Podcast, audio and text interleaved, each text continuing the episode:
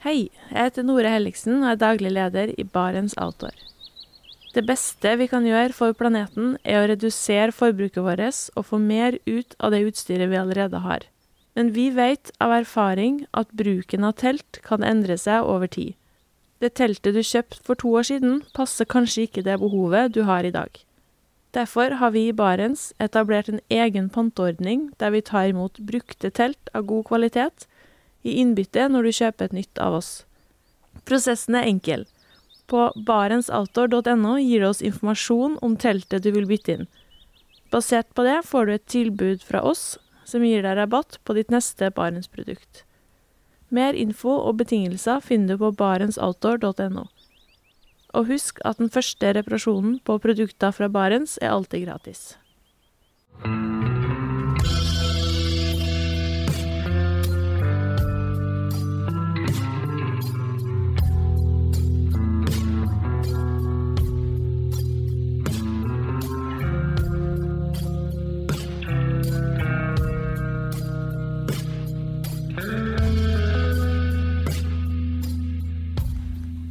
Hei og velkommen til podkasten Uteliv. Mitt navn er Randulf Valle. I dagens episode så skal vi snakke om den første lengre vinterteltturen. For én ting er jo å gjennomføre ei enkelt overnatting ute i vinterskogen, eller å ligge ei helg i ro på et sted i telt. Men det er noe annet å legge ut på ei ukes tur i et av våre fjellområder, kanskje med et tydelig mål om forflytning. Og med meg til å opplyse dere, forhåpentligvis, om dette temaet, så har jeg fått Christer Verdal. Velkommen. Takk for det. Eh, Du er jo i et firma som du eier, som heter Fri og Vill, som nettopp jobber med å lære folk sånne ting. Det stemmer eh, godt, det. Det er en av eh, tingene vi driver på med. Ja. Så dere har både kurs og litt sånn eh, ekspedisjonsturer i Norge, kan man kalle det? Ja, det kan du si. Vi har fra helt enkle med din første vinternatt til fem-seks dagers eh, turer over store fjellområder. Og ja, kurs både sommer og vinter. Ja, og det, og det er jo egentlig den overgangen der, da, fra den første vinternatta til de lengre turene vi skal se på i dag. Eh, Men som vanlig da, så begynner jo jeg med å spørre om du har hatt en fin tur eller naturopplevelse nå i det aller siste? Vi må bitte litt tilbake da, eh, til jula. Det var, den feira jeg ut da. Det var seks dager i eh, Snåsa, på grensa til Skjækerfjellet nasjonalpark. Så vi dro ut fire dager før, og kom tilbake første, første juledag da. Ja. Så da med telt og, telt og bål og pynting og juletre og et par pakker. Ja, det høres jo veldig koselig ut. Ja, så fikk jeg en veldig fin dag 21. på solsnu da. Da var faktisk sola litt opp, og det var helt magisk lys, og det var en flott markering av den dagen i hvert fall. Ja, og når alt kommer til alt, altså i Trøndelag så er det jo mange lyse timer sjøl på det mørkeste. Ja, ja, det er det. det, er det. Men eh, det der da, når du skal Altså, mange har jo på en måte oppdaga vinterfriluftslivet i form av å overnatte en natt ute, enten under åpen himmel eller telt, i eh, på en måte sin nærnatur. Eh, men hva er det som endrer seg når man tar steget derifra til, la oss si, en sånn eh, tur hvor du tenker å krysse et av våre større eller mindre fjellområder med bosted i telt hele veien? Det er ganske mange ting. Det er for det første mye mer planlegging da, eh, på hvor du har lyst til å gå, om du skal gå A til B eller A til A. Eh, så er det jo veldig mye rundt eh, Det vil skje mye mer på en sånn tur, både med både syke og kroppen din og utstyret. Og du må tenke mye mer gjennom mat, litt vekt, hva du skal ha med deg for noen ting. Eh, og ta høyde for at mye mer uforutsett eh, kan skje da, når du forflytter deg over større, større områder. Ja, jeg tenker også hvis du har hatt sånn enkeltovernattinger òg, så vil du jo oppdage at det å sette opp i en camp når du da plukker fram et telt som har vært satt opp, har vært fullt av is og rim, og så pakka ned. Og så skal du sette det opp igjen for dag nummer to og tre og fire. Det er noe annet enn den første natta. Det er noe helt annet. Du kan eh, Du må kanskje brette ut teltet ditt, for at det er stivspekt. For at du pakka det ned litt vått. Mm. Eh, barduna er kanskje full av is. Eh, stengelen går ikke helt inn i kanalene, sånn som den gjorde når det var tørt. Eh, ja, det er generelt litt mer sånn utrivelig, da. Det er ikke noe sånn eh, Eller litt mer arbeidsomt. Det er ikke så glamorøst som den, eh, den første, første natta, når alt var tørt og fint. Nei, så tenker jeg med klær så må du være mer disiplinert. På enkelt overnatting så kan du på en måte gå inn, sette opp camp, ta på deg tørt undertøy. Og så går du ut igjen i det undertøyet dagen etterpå, og så henger du begge settene til tørk. Riktig. Ja, og på sånne enkeltovernatting så ja, det spørs hva du legger opp til, men uh, du går deg ikke uh, svett, uh, mest sannsynlig. det vil du gjøre på en lengre tur, hvis du skal dra med deg en tung pulk. du får oppleve at du blir kald, kald i pauser. For pauser er det mange av igjen med en lang forflytning. Mm. så det med bekledning må nå være Der skjer det ting på en lengre tur enn en enkeltovernatting. Det har du helt rett i må ha et mer bevisst forhold til å sørge for at du har tørre klær, få tørka det som er blitt vått, eller eventuelt måtte ta på seg ting som ikke er tørt da, når du skal starte marsjen igjen. Du må nok vurdere antall skift, ja. Det er én ting. Og så, så er det jo tips og triks for å få tørka ting underveis òg, da. Ja, det... Nei, for på, på, en sånn enkeltovernatting så kan du på en måte bare hive ting til side ettersom det er vått, og tørke det når du kommer hjem, men det går ikke lenger når det blir noen dager. Nei, her må du eh, ha teknikkene i orden for å, og rutinene for å Eller tipsene, da, for å, for å ta det der underveis. Mm. Så vet jeg jo at eh, en del som overnatter en del sånn enkeltnetter i marka og sånn, eh, de er såpass skeptiske til det med åpen flamme inne i telt at de bruker ikke brenner i, i teltet. Og skal du på en fjelltur vinterstid, så er jo det vanskelig å komme ut prata om. Sånn at du må liksom bli nok venner med brenneren til at du tør å bruke den inne. Helt klart. Og eh, det er jo hvis du har jo nesten gått på deg en forfrysning så, så, klarer du jo nesten å få 20 grader inn i teltet for å tine deg opp igjen. Hvis du kan jo bruke brenneren inn i teltet. Mm. Så det vil jeg si er absolutt nødvendighet å kunne alle sikkerhetsforstaltningene rundt det. da. Mm. Ja, for at, òg det der med ikke sant, Man tenker jo av og til på hypotermi, altså farlig nedkjøling, som noe som skjer plutselig.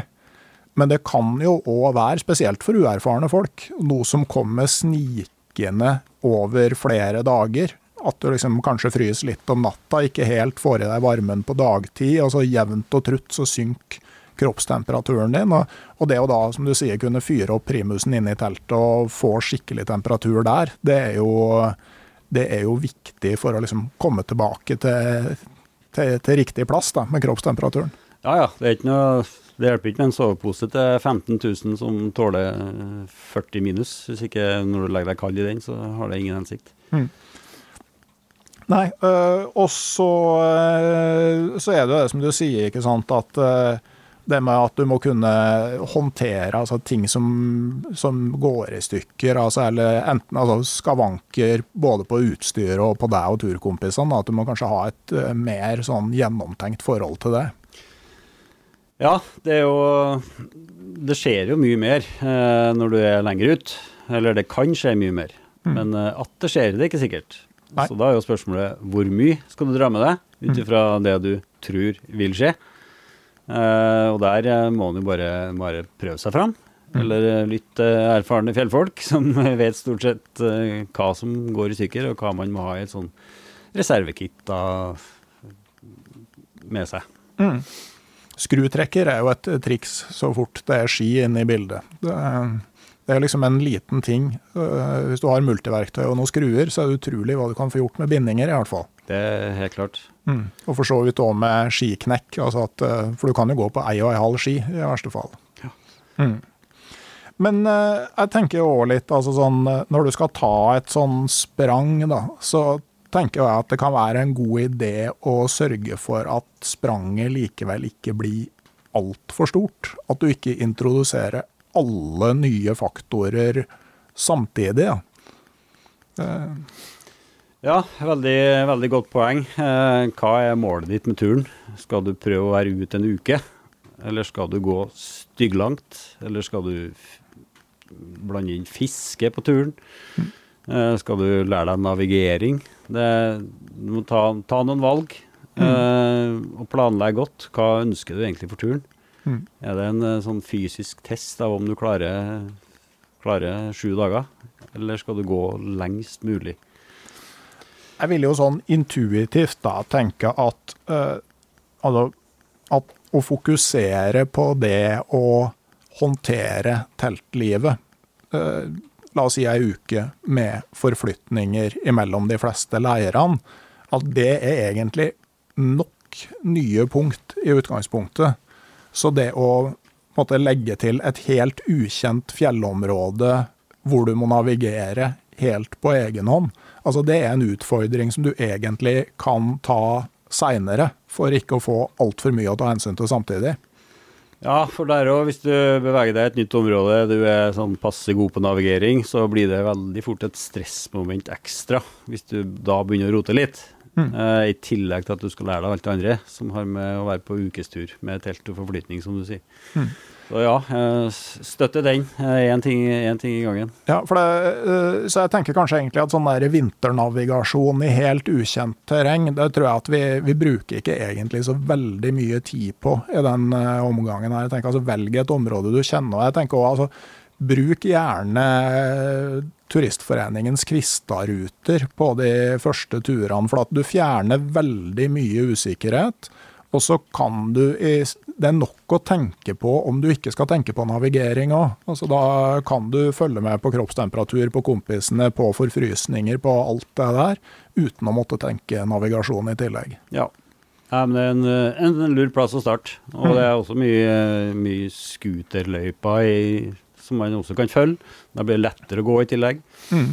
Men da må man selvfølgelig ha et lite øye med hvor man går igjen i tillegg. da. For skuterløypene vet man ikke alltid hvor det går hen.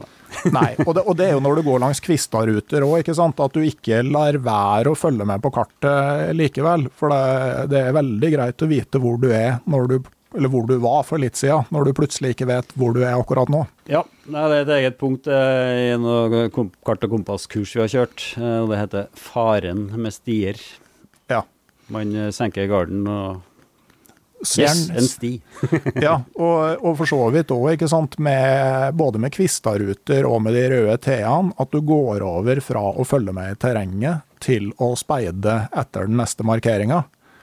Eh, og i det øyeblikket du skjærer ut, så eh, Du kan jo begynne å gå feil vei, f.eks. Og, ja, ja, ja. og du kan òg, liksom, idet det plutselig ikke er noen flere varder eller noen flere kvister, så er det litt sånn usikkert hvor du egentlig har gått. Ja, du glemmer å følge med, for nå har du funnet en eh, sti som var god å gå på. Mm. Jeg vil jo si at i, i, nord så er det jo i hvert fall det vel, Du kan jo finne kart over scooterløyper. Hvis du søker på nett, så er det ofte greit å finne. Og sjøl om du ikke har lyst til å gå i skuterløypa hele turen, så er jo hvis du skal gjennom bjørkeskog, eh, så er det å finne en led eh, ofte et, eh, et bra startpunkt. Da. Ja. Mm. Så blir det en helt annen fysisk belastning med tung pulk på slep. da. Djup, snø kontra skuterspor. Ja. Sånn Før vi forlater det med scooter, så er det jo Jeg har vært en del på tur i Finnmark i mørketida og delvis fulgt scooterleder, og da har vi kjøpt uh, refleksteip. Som vi har hatt på på staver og ja, på ski, for du bruker jo dem til å sette opp teltet, ikke sant. Ja, og på pulkdrag til hund, og eh, som liksom bare sørger for at du har en del sånn eh, reflekspunkter rundt omkring. Hvis det er dunkelt og snødrev, så er det ja. faktisk noe å tenke på. At refleks redder ikke bare liv i bytrafikken. Ja, det er smart. Mm. Eh, men så, så, jeg tenker jo at altså en sånn jeg tror det er litt lurt å sette eh, rammevilkårene sånn i starten for en sånn tur. Altså ikke introdusere for mye nytt, og så være litt eh, sånn eh, Kanskje snakka på det med fisking, ja du kan jo dra på vinterjakt etter rype, fotojakt. Mye sånn du kan bygge rundt det. Men at du tar et valg, da. Enten så går man kanskje inn og etablerer en leir et sted, men skal du flytte deg en god del, så tenker jeg at da ville jeg i starten barbert unna mest mulig av det tilleggsutstyret, og heller tatt med mer brennstoff til primusen, og ellers fått en lettere pulk. Ja. Nei, jeg støtter, støtter den. og det Det bruker jeg også å si på sånne kurs, og jeg merker det på meg sjøl òg. Det er jo liksom etter natt to. Da har du kobla ut uh, det gamle livet ditt. Da er du i villmarka, og da går kroppen over i en annen modus. Mhm. Så det er Bare det å være ute mer enn en helg, da begynner det å skje ting. Da begynner de psykologiske effektene på naturen å, å virkelig slå inn. Da. Mhm. Så da er det godt å være ute. Så uh, Ja, det er et godt poeng. Altså, sånn, når du begynner å nærme deg ei uke, så eh, Altså på en helgetur så har du ikke kommet langt utpå lørdagen før du begynner å tenke på at du skal hjem i morgen. det er akkurat det. Og da, da mister du litt av eh, gleden og opplevelsen med å være ute. Mm. Bort fra folk. Mm. Og så tenker jeg òg det med en, eh, en kort marsj første dag. For da har du gjerne, hvis du kanskje starta rett fra jobb, ikke sant, og du kommer ofte fram seint, og det å liksom få kroppen i gang på slutten av en lang dag Du har kanskje hatt seine kvelder for å pakke og forberede deg. Så det å ha en kort marsj og ei god natts søvn første natt, det er ikke så dumt. Nei da, så har du mest sannsynlig sittet i en eh, bil en time eller to da, for å komme deg dit. Og spist bolle og pølse, da. Så det, du, du er jo ikke Du har ikke lada opp maks liksom før, eh, før første dag. Nei, det, det, det er mye som taler for å, å ta det med ro den eh, første dagen. Uh, og så tenker jeg jo òg det at uh, når du skal ha din første sånn uh, vintertur på litt lengde, altså Du har jo mye mindre kontroll over været enn på en helgetur. Når du drar til fjells på ei helg, så vet jo i stor grad ut fra værmeldingene på fredagen hva slags vær du får på fredag, lørdag og søndag. Værmeldingene ei uke fram i tid i Børgefjell, dem eh, gir jeg veldig lite for. Ja. Nei, eh, det er sånn eh, noe jeg bruker å gjøre. Jeg følger med på værmeldinga en god stund på forhånd, da. For da kan jeg danne meg et bilde av hvordan eh, hvordan føret er. Eh, hvilke skavler hvilken vei har vinden eh, blåst. Hvor er det snøskredfare? Eh, har det vært kaldt lenge? Er isen trygg? Så jeg Mhm. følger med litt på forhånd. Men eh, når du er i det, så ja, jeg bruker jo å ta en sånn printscreen av værmeldingene en uke fram. Men eh, det slår jo aldri til. Nei. jeg blir gjerne ofte positivt overraska, har jeg funnet ut. Ja. Det er ikke så ille som det, det så ut. Det er nok gjennomgående, men samtidig så har du jo sånn som polare lavtrykk, som kommer veldig fort og kan gi lokalt fryktelig dårlig vær, som ingen hadde mulighet til å forutse ei uke på forhånd.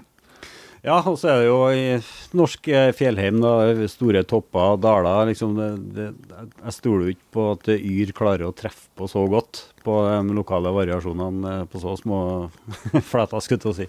Nei. Så du må være forberedt på at eh, du kan få alt av vær. Mm.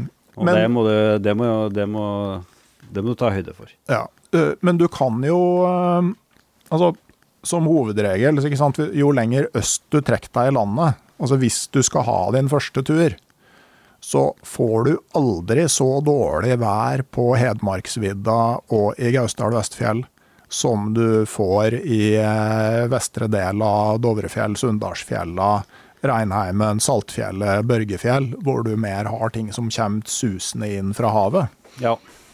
Jeg har prøvd alle dem. Så Nei da, Innlandet er som regel eh, roligere. Det er mindre overraskelser. Ja, så jeg tenker jo at altså, det som nå er Langsua nasjonalpark, da, gamle hjemfjella mine altså Hvis jeg skulle ha et sånn eventyr som det her altså En av de første sånn lange vinterturene mine var jo start på Beitostølen, en liten sving eh, Jo, Beitostølen var vært det. Nei. Uh, Ja, innen ved start, jo. Må ha der. Og så en liten sving inn i Jotunheimen, og så tilbake inn i Gausdal eh, Vestfjell. Altså sånn at Du starter kanskje lengst vest når du har mest kontroll på værmeldingene, og så tar du deg innover i et roligere område.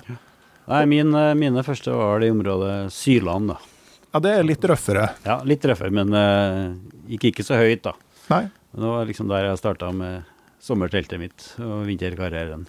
Mm. Ja, så, så, uh, Hvis vi bare oppsummerer litt. ikke sant? Altså, Ikke legg til alle de nye utfordringene samtidig. Uh, og velge ut hvilke utfordringer du skal ha. er du usikker på vintertelting, så er det kanskje akkurat den biten du skal begynne med bo i telt ei uke med forflytninger stort sett hver dag. Og så velg et område hvor du kan følge løyper, og hvor været ikke blir det aller verste. Ja. Det er en grei oppsummering. Det er liksom å terpe på nye rutiner. da. Mm. Forflytning over eh, så mange, så mange dager. Da er det rutiner både inn i telt, eh, under forflytning, pauser. Det er mange ting å tenke på. Og det, det holder egentlig til en sånn første, første, tur. Ja, Men det folk lurer på først, da, det er jo ikke rutiner, men det er utstyr. Så ja. eh, hva, hva, er det viktigste vinterutstyret? Er noe vi kan skille ut der? Hvis en tenker for å kunne overleve da, under, hvis uh, alt uh, går rett vest, så er det et uh, bra telt, en sovepose og en, en, god primus. Mm. Vil jeg si det, det viktigste. Ja, jeg er enig der. og så er jo det vanskelig når du skal begynne å definere det her. Men jeg tenkte litt, altså vintertelt, altså hva tenker du er liksom egenskaper ved et telt som, som trengs for vinterbruk Nei, det er jo flere, flere, typer vintertelt. Det er jo både kuppel og tunnel, så den diskusjonen trenger vi ikke å ta. Begge er jo godt egnet. Men uh, personlig så liker jeg jo et godt fortelt, da, og det får en jo mest av i tunnelvariant. Mm. Uh, så må jo uh, Det som skjer på vinteren, at det kan komme mye snø på en stille dag. og Det blir mye tyngde. Pluss at vinden røsker godt i tillegg til snø. Så at teltstenger er jo mye mer solid enn et sommertelt. da. Mm. Og så er det jo ventilasjon. Mm. Det, I forhold til sommer så er det stor fare for mye mer kondens inn i, inn i teltet. Mm. Det du puster ut og det du fordamper, det legger seg som is i taket. Eh, det blir litt redusert da, ved at eh, teltet har god lufting. da. Gjerne flere lufte, luftekanaler. Ja. Ventiler. Jeg vil gjerne ha i hvert fall tre ventiler på vinterteltet, altså én i hver ende, og så én på en av sidene. Ja. Helst på begge sidene, for at vinden kommer ofte litt sånn skrått inn, sånn at du kan ha to ventiler åpne, gjerne én lavt og én høyt, og, men samtidig at alle ventilene kan både stenges helt og åpnes helt. Ja. At det ikke er noe myggnetting du ikke blir kvitt, for den kan gå tett. Mm. Og så er det jo altså sånn eh, Du bør jo være et telt som produsenten sier at, kan, at det er et vintertelt, tenker jeg. Det, man kan eh, på en måte Etter hvert som du får mer erfaring, så kan du jo gjøre justeringer der og du får mer sånn tanker om hvordan du kan tøye bruksområdet til enkeltmodeller og sånn. Jeg tenker når, når du er fersk, så, så velg et ordentlig ordentlig et telt som produsenten sier er et vintertelt. Ja, helt enig i det. Og så er det det med stormatta, da. Det er jo kjekt å ha. Mm. Det er jo med å forankre teltet. Ja. Um, så er det jo eh, altså mange Altså det, det, er jo et norsk fenomen med stormmatter eller med snømatter eller det det. Eh, sånn at eh, det, er jo folk som har vært både her og der med telt uten sånn. Så, men det handler jo litt om at hvis du har telt uten mattene, så må du kanskje bruke litt andre teknikker når du setter dem opp. At de kanskje må graves litt ned, eller må eh, støttes mer rundt. da. Ja, riktig. Nei, så er det jo eh, i hvert fall dem vi samarbeider med nå, der, de har jo telt med ekstra store bardunstrammere, som mm. du får til å bruke eh, med hansker på. For det er jo et viktig poeng på vintertelt. Ja. Og at det, det er store, store glidelåser. Det er stangstrammerne, stangkoppene, alt det der klarer du også få til med, med hansker og kanskje votter faktisk. Ja, og så tenker jeg i dag, altså er du i tvil, så, så har du jo en sånn tjeneste som Pinch, hvor det ligger masse skikkelig ekspedisjonstelt ute til leie til kanskje et sånn par 300 kroner dagen og rundt en tusenlapp i uka. Det er absolutt en mulighet, i stedet for å kjøpe noe som er halvveis og ligge og være i tvil når det begynner å ruske i vindkastene om kvelden så lei heller et, et ordentlig eh, fjelltelt, og så får du en bedre opplevelse. Ja, Hvis du er relativt ny på langtur, så, så du bruker ikke 10 000 eh, på et telt, og så, så hater du det her, og så mm. blir det bare liggende. Det er ikke den bærekraftige måten å, å gjøre det på. Så jeg er helt enig. Lei først. Mm. Eller bli med, bli med noen. Ja. Eh, jeg tror kanskje vi skal la at det er en, eh, en grei oppsummering med telt. Og, og, så er det jo litt det samme med sovepose. Altså to poser utapå hverandre. Det, det, er jo en eh, fullgod løsning. Ja, det fungerer, det. Mm. Eh, har du gjerne en dun innerst og en syntetisk utapå, f.eks., mm. så tåles det at det drypper litt kondens ifra, ifra teltet og ned på den ytterposen. da. Mm. Og eh, det er jo eh, samtidig òg, altså hvis du følger litt med, altså en kunstfiber vinterpose trenger ikke være så fryktelig dyr. Den er større enn en dunpose, tyngre i forhold til isolasjonsevnen, men eh, på turer på en ukes varighet så, så er ikke vekta så kritisk, spør du meg. Nei, det er jo luksusen med vintertur, da. Du drasser med deg en pulk, og da da har du plass til mye, mye ekstra i forhold til en, at, at, du skal bære alt i sekken. Ja, for, for du å tenke pulk på en ukes telttur vinterstid? Det gjør jeg alltid, ja. Mm. Jeg vet ikke hvordan det er med folk flest, men uh, jeg sliter med å gå med tung sekk og, og staver. da. Når armene skal gå høyt opp og ned hele tida med en tung sekk som presser ned. Så mm. å dra på en pulk, det føler jeg er mye, mye lettere, ja. Ja, og der har du jo på en måte Parispulken, altså sklibrettet, som er et billig alternativ. Og så har du mer sånn dedikerte pulker fra ja, Fjellpulken og Acapulca, er jo hovedprodusentene. Og der òg, eh, lei eh, i starten. Og finne ut hva som, eh, som duger for deg. Altså for at, eh, I hvert fall en ordentlig pulk er en skikkelig investering. Ja, det er det. Eh, helt klart. Eh, ja, størrelse og sånn, det, det varierer jo. Eh, men et sånn Paris-brett, som det heter, da, en sånn transportbrett, de, eh, det er jo mer enn nok. Eh, litt mindre ubeskytta det du legger oppå, da, så du må ordne en sånn patent for å pakke det inn bedre. Mm.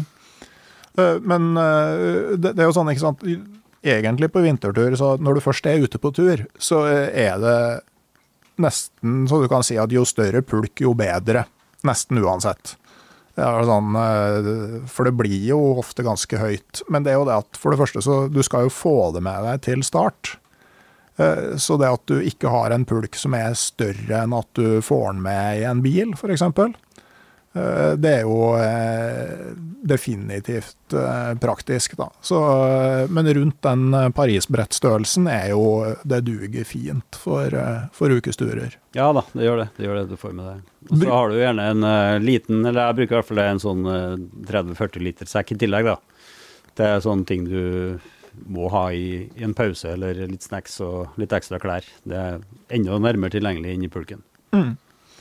Det samme med den diskusjonen om eh, tau eller drag på pulken. altså sånn, I litt fjell og litt skog og sånne ting, så bruker jeg stort sett drag. Men eh, der òg er det mulig å prøve seg fram. Men eh, det velter jo lettere med når du bare har tau, enn når du bruker drag. Det gjør det, og så er det litt mer kjipt i, i utforbakke, da, nedoverbakke, ja. med tau, da.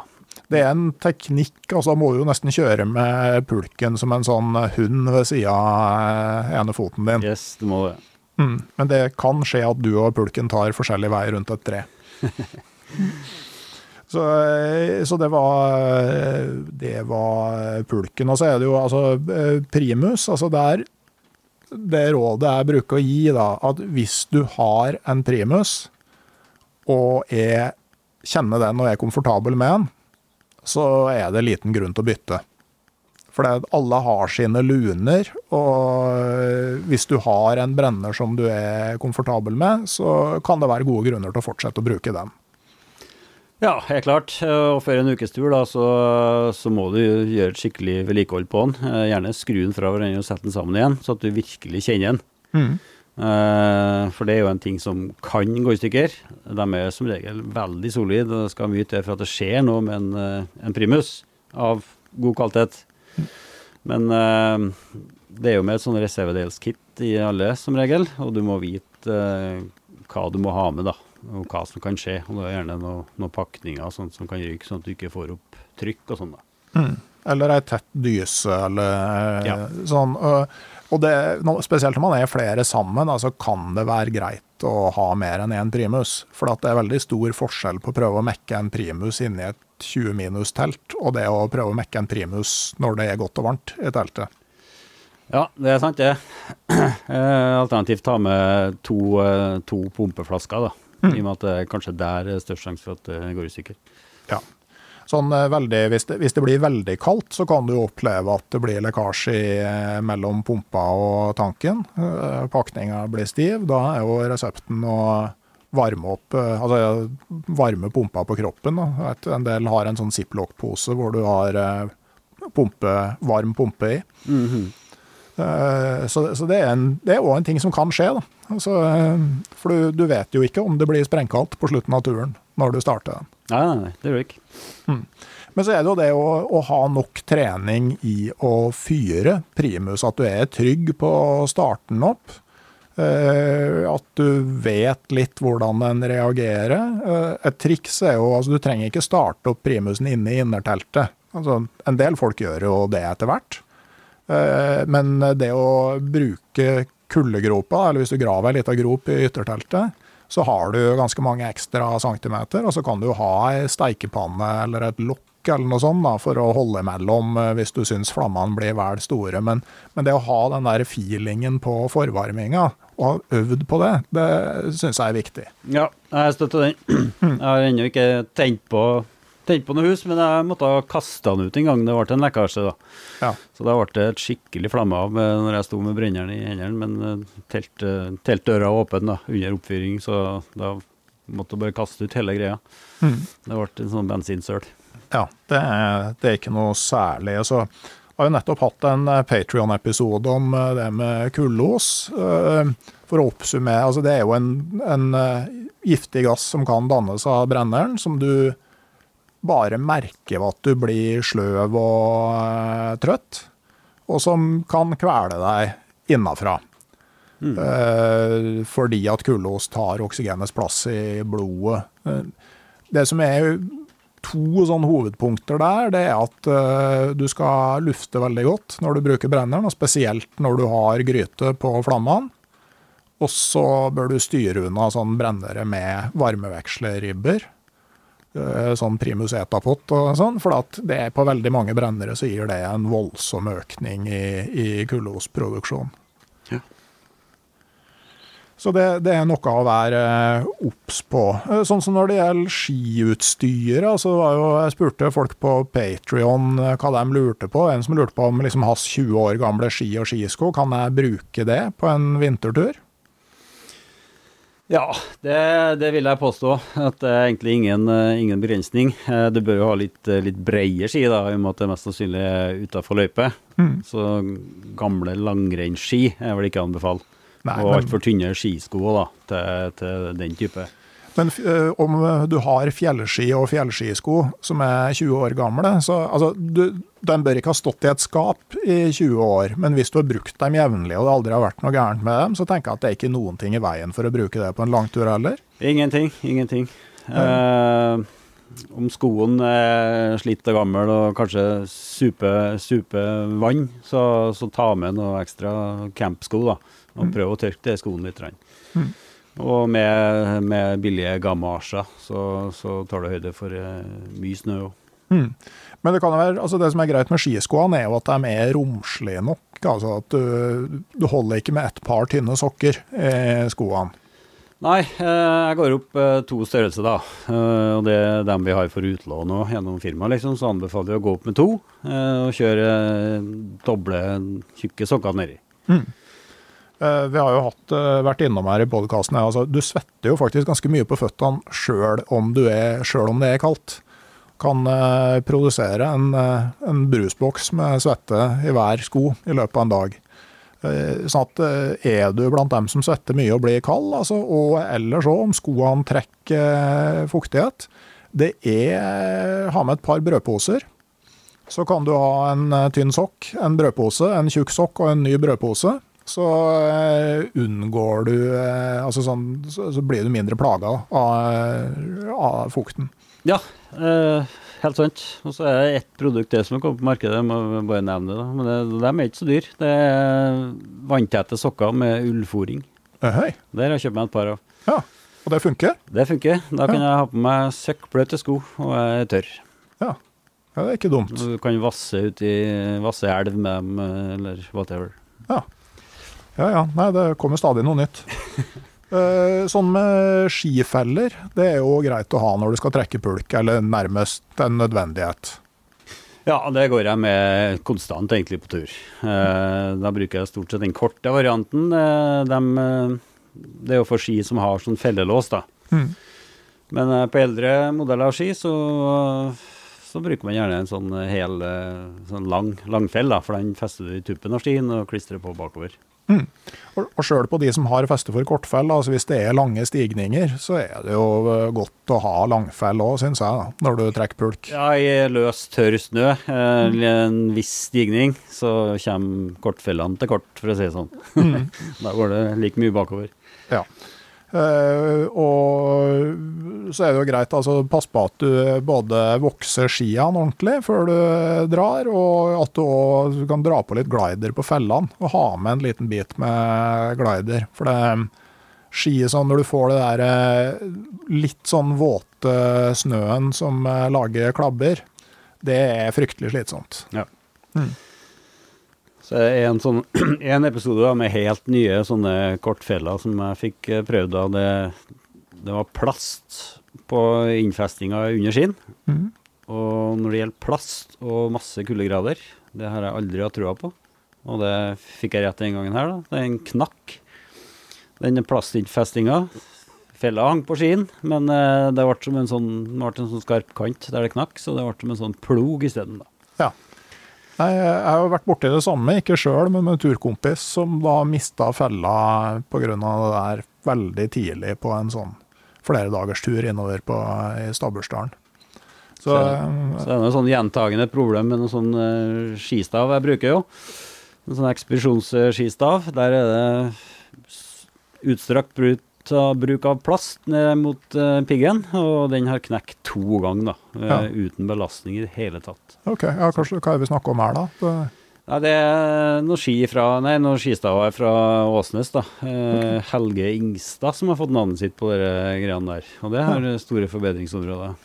ok, ja. Jeg har, jeg har, brukt den, men jeg har, dessverre ikke vært så mye på lang vintertur de siste årene. Så jeg har har ikke opplevd det, men eh, da vet jeg at jeg skal være eh, forberedt. Og det, det er litt tungvint å skifte dem. Eh, den var jo veldig grei, han i sportsbutikken, da, så når jeg kom og klaga. For han sa jo bare at ja, men du bare tar en hårføner, og så varmer opp. Takk for det, du. Mm. Så lang skjøteledning har ikke jeg. Nei. Så når sånn uhell har skjedd på to turer, så har jeg med en ekstra stav, da. For da vet jeg at det kan skje igjen. Ja. Uh, I stedet for hårføner. Altså det er jo antagelig smeltelim, da, så det holder jo med kokende vann. Og jo da, du kunne mm. vel ha fått det til på et vis. ja, så, så, det er jo ikke sant, det med sånn improvisering er jo eh, noe man kan bli god på. Men, men sånn med bekledning, altså uh, Der tenker jeg altså Der Det er kanskje mindre komplisert enn folk tror. Ja, det er jo der det er lett å gå i utstyrsfella, da. Eh, og kjøpe altfor eh, for dyrt og tro at man må ha eh, det aller beste av utstyr. Eh, når det er stabilt, kaldt vintervær, så går jeg stort sett bare i sånn bomullsklær. Eh, sånn så å si vindtett, da. sånn som den jeg har på meg her i dag. Eh, blir litt sånn klam og Klamt og stivt å gå i sånn uh, Gore-Tex membranklær. Mm. Jeg har det med som en sånn backup hvis det blir skikkelig fuktig vær. Men i en kald norsk vinter med litt vind og også litt snø, så bomullsplagg det funker veldig bra for meg og for mange. Ja, Så fars, eh, fars gamle anorakk med pelskant, den er gullet god. Ja. Pass på at jeg liker at jakka er lang. Går godt nedover rumpa og litt ned på lårene. Eh, At hetta er god. Eh, Det er jo det viktigste. Ja. Og eh, for så vidt Altså i hvert fall hvis jakka er kort, så må buksa være lang. Sånn at du ikke får noe glippe i korsryggen eller der omkring. Ja. Men, men en litt sånn solid ytterbekledning, også ull eller kunstfiber. Your choice, tenker jeg, under. Ja. Nei, jeg sverger jo til ull, da. Ja. Eh, Det gjør for så vidt jeg òg, men eh, jeg hadde en sånn runde sammen med Bengt Rotmo med her, og vi huska jo f.eks. da vi var i Nordøstpassasjen, så brukte vi jo ganske mye kunstfiber, og det er mange som har brukt det, Mm. og de fleste er i live. Så eh, altså, der, der, der er det flere ting som fungerer, men ikke bomulls-T-skjorte. Er helt, helt sånn eh, de basic, eh, basic eh, reglene. Så er jo mens, eh, mens du går, da, den feilen gjør jo alle da, når det, du skal bevege deg langt her nå, kontra den helgeturen. Eh, du kommer til å bli mye mer varm og svett, og det, du har ikke lyst til å svette når det er kaldt oppe i høyfjellet. Så en sånn huskeregel, eh, det skal være skikkelig kaldt, skitkaldt, og start turen. For da har du bare noe tynt under. Gjerne, jeg går jo bare med sånn nettingull, og så ytterbekledninga mi. Og det funker helt ned til 10-11-12-13 minus. Er Kjempekaldt i starten, men eh, det tar fem minutter med pulken og skien, så har du opparbeidet deg nok eh, varme til at eh, resten blir komfortabelt. Ja, For å snu på det, hvis du står og venter på at turkompisen skal få pakka det siste på pulken, og du er god og varm, da har du hatt på deg altfor mye klær. Ja. Da, du skal fryse når du står og venter på å komme i gang. Og spesielt når dere er flere sammen da, som eh, går på tur, så er det jo sabla irriterende å stoppe etter sju minutter når han med dunjakka må begynne å kle av seg. For da har du akkurat for lite til å stå i ro. Ja, Det viktige er i hvert fall at man gjør det samme. Det er jo for så vidt greit hvis man vil eh, ha på litt klær de første fem minutter for å få fort varmen i seg etter en hustrig morgen, men eh, det er veldig dumt hvis noen da står og hu- hutrer og venter på å få gå litt hardt en halvtime for å komme dit. Ja. Alternativt så går det an å ha den eh, Du har gjerne med deg en tjukk dunjakke eller et eller annet på tur, og ta på den første fem minuttene, og så rett ned i sekken eller på toppen av pulken. Eh, ja, Nei, så Har du ei dunjakke, så er jo det gull verdt på en sånn tur som det her. Det at du kan få på deg isolasjon uten å ta av skalljakka. Altså En ullgenser funker, men det er noe mer ubehag knytta til det. Ja, det er det. Så Jeg husker når jeg fikk meg dunjakke, og det jeg var mye på vintertur før jeg fikk meg dunjakke. Eh, Men det var en eh, stor opptur. Det første jeg kom på, var at jeg var OL-funksjonær i 1994. Og så jeg fikk jo eh, komme på at det, det var ikke dun, da, det var en diger boblejakke som var den funksjonærbekledninga i sånn umiskjennelig 90-tallsdesign. Jeg husker den. Ja. 80-tallet varte et stykke inn på 90-tallet, har jeg ofte tenkt. Sånn eh, designmessig. Men jeg fant ut at den, den tok jo halve pulken, men eh, det var veldig behagelig. Ja, nei, jeg har en sånn stor uh, dunjakke. Den begynner vel å bli en ti år gammel, men den er like god ennå. da. Men den er alltid i den 40-litersekken jeg har på ryggen. da. Ja. Jeg, som jeg har vel nevnt i en tidligere episode, at hvis du følger med på Finn og sånn, og så går etter de merkene som er litt ukjent, så er det en kompis av meg som fikk ei sånn ekspedisjonsjakke fra Western Mountaineering til 800 kroner. For at eh, det er ikke et merke som så mange kjenner til. ja, du betaler vesentlig mer for en kjent merkevare enn Så, eh, men, men det er ikke noe du må ha heller, da. Og igjen så er det mulig å, å, å låne. Uh, og så er det jo uh, altså god lue, skikkelig votter, altså skihansker, det holder ikke. Altså, du må ha votter og vindvotter, tenker jeg. Ja, må det. Jeg bruker eh, ofte en sånn eh, tynn sånn ulllinere, da. Mm. eh, hansker. som jeg bruker både inn i ytterhanskene eller yttervottene, da. Ja.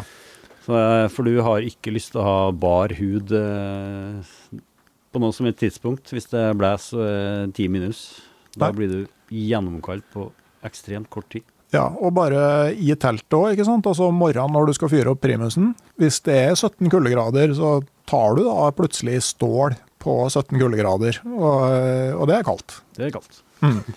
Så, så det kan være greit. Men der òg, altså sånn, øh, hvis du får tak i altså sånn billige militære overtrekksvotter, er jo egentlig helt supre. De er super. Mm. Samme med militære fotposer nå, kan du få kjøpt eh, billig. Det er en genial sånn camp, eh, campsko. Ja. Det er jo også, også er det jo Jeg liker å ha med i hvert fall to sett med ullvotter da, til å ha inn i vindvottene. Mhm. Jepp. Jeg tror det er liksom grei gjennomgang av bekledningen, egentlig. Uh, og så er det jo Altså, har du slalåmbriller, så er det lurt å ta dem med, tenker jeg. Ja, det er behagelig når du går i, går i motvind, ja. Mm. Det, det er klart. Det var litt eh, antall skift man bør ha med, da. Ja, det er et poeng. Ta et par ting om det. Eh, som sagt, så det blir, jo, det blir jo meg, da. Men eh, en sånn eh, nettingtrøye som jeg går med innerst når jeg er i bevegelse, mm. den eh, funker jo flott tre-fire dager, den. Jeg blir gjerne svett når jeg kommer til camp, men da tørker jeg den på to måter. Enten på kroppen, eller så tar jeg av og skifter til den andre eh, ulltrøya, mm. som er litt tjukkere, da. Så f.eks. på en ukestur to, to netting eller tynn ull eh, til skift, og så én tykkere enn til camp. Og den har du jo hele, hele turen. Ja, To tynne og en tjukk. Ja. Mm. Det skal holde til i uke. Ja, det syns jeg òg høres eh, kjent ut. Eh, Og sånn eh, for å tørke de her klærne Altså, jeg liker jo altså, sånn de nettingplaggene. Jeg bruker ofte kunstfiberen til Brynja. Den, er jo- den er jo nesten ikke i stand til å bli våt. Nei. Det, den trekker nesten ikke fuktighet. Mhm. Jeg har eh, målt vekta på den når du tar den ut av sentrifuga, og det er nesten tørt eh, etter sentrifugering. Men, Ja. eh, men en måte å tørke det på er jo bare å ha det på kroppen, fyre opp primusen og få opp temperaturen i teltet. Ja, når du kommer til camp gjerne litt svett, så er det jo fortsatt mye mer arbeid som skal gjøres da. Så eh, selv om du er litt kald, så skal du jo trampe tramp til campplassen, eh, sette opp telt, eh, kanskje herje litt rundt. Så du genererer fortsatt litt varme, da, og da begynner jo den eh, trøya å tørke på kroppen. Mm. Og så Du trenger ikke å skifte før du har kommet godt inn i teltet og fått fyra opp.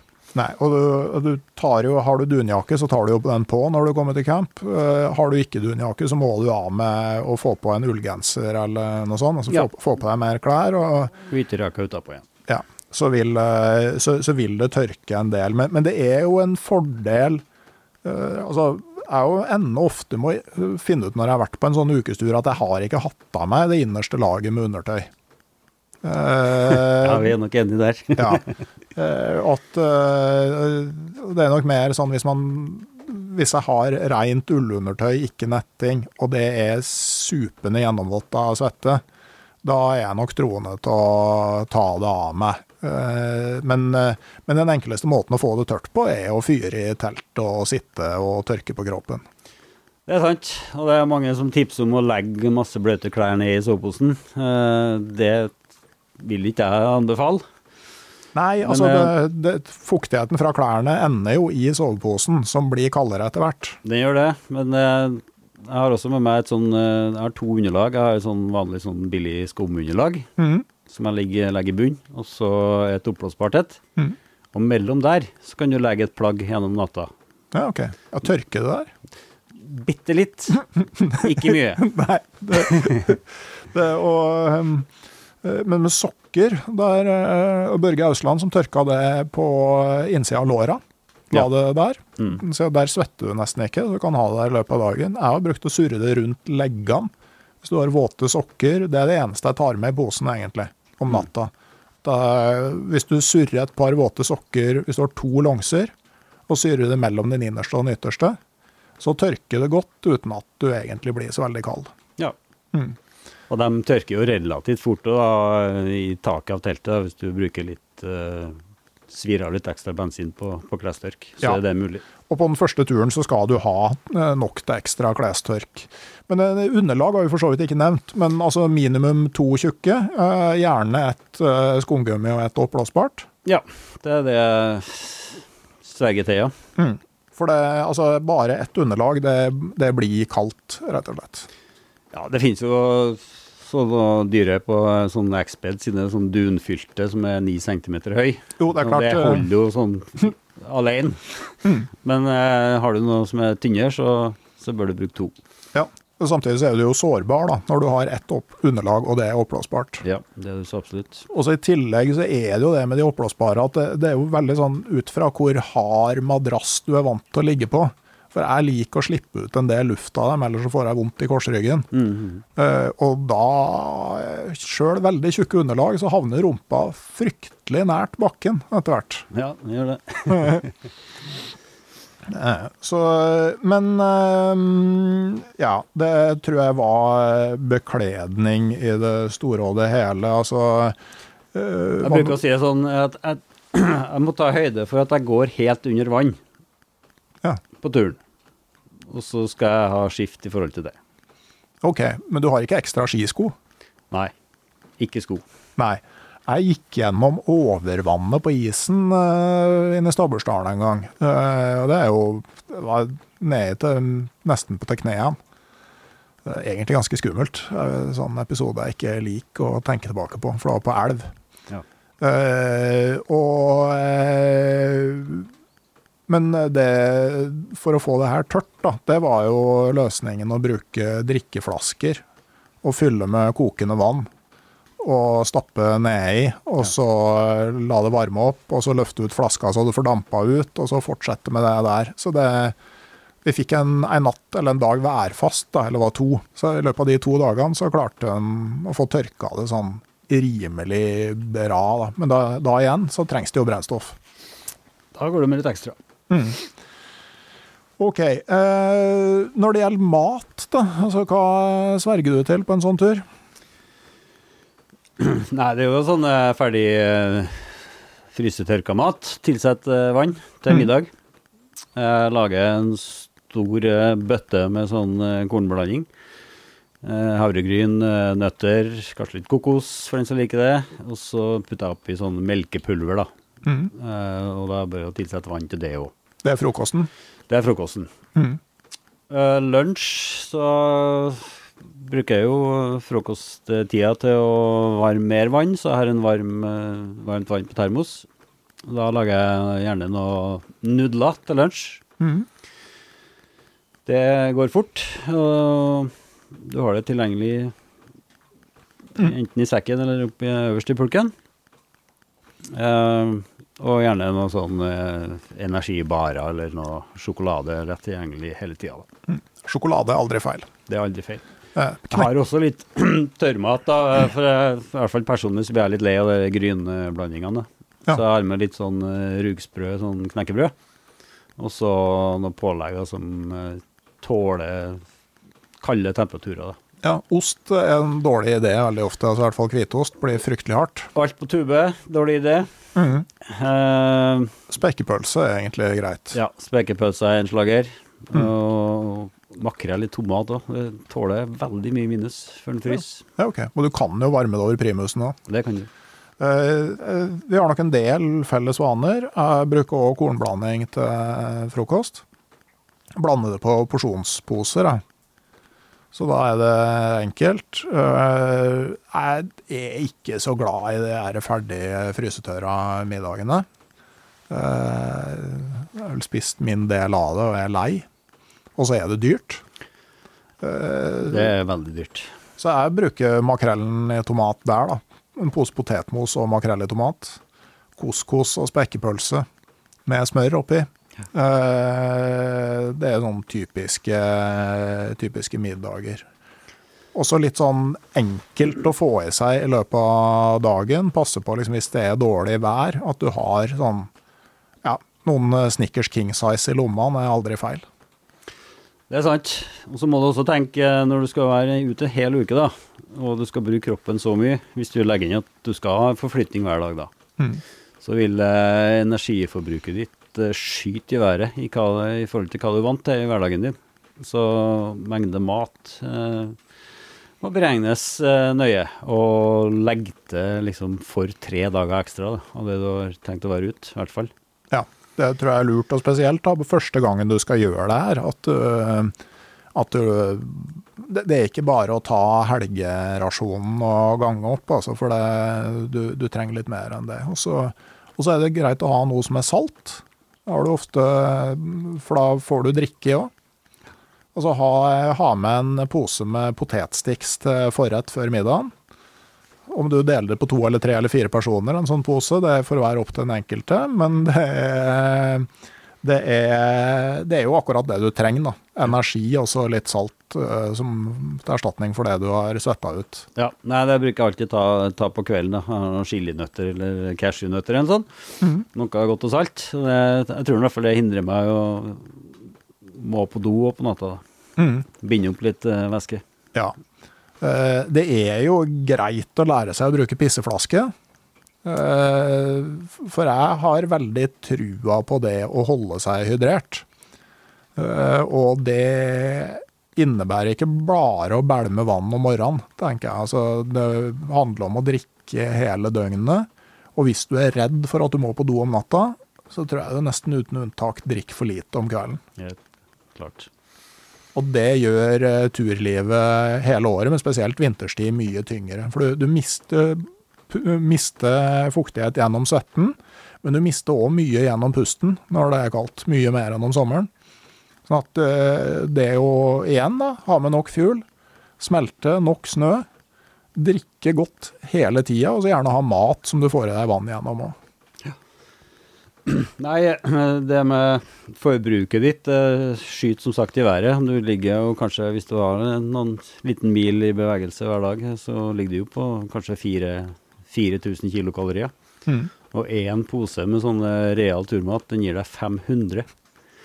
Så du vil helt sikkert gå i minus på en sånn ukestur. Eh, Men 200 gram sjokolade gir deg 1200. det pøsser på igjen. Så det vi kaller ei oterfjøl, da, ei sånn stor plate med melkesjokolade, det, det, det er jo veldig fint da, at eh, det kan ikke bli for mye sjokolade på en lang vintertur.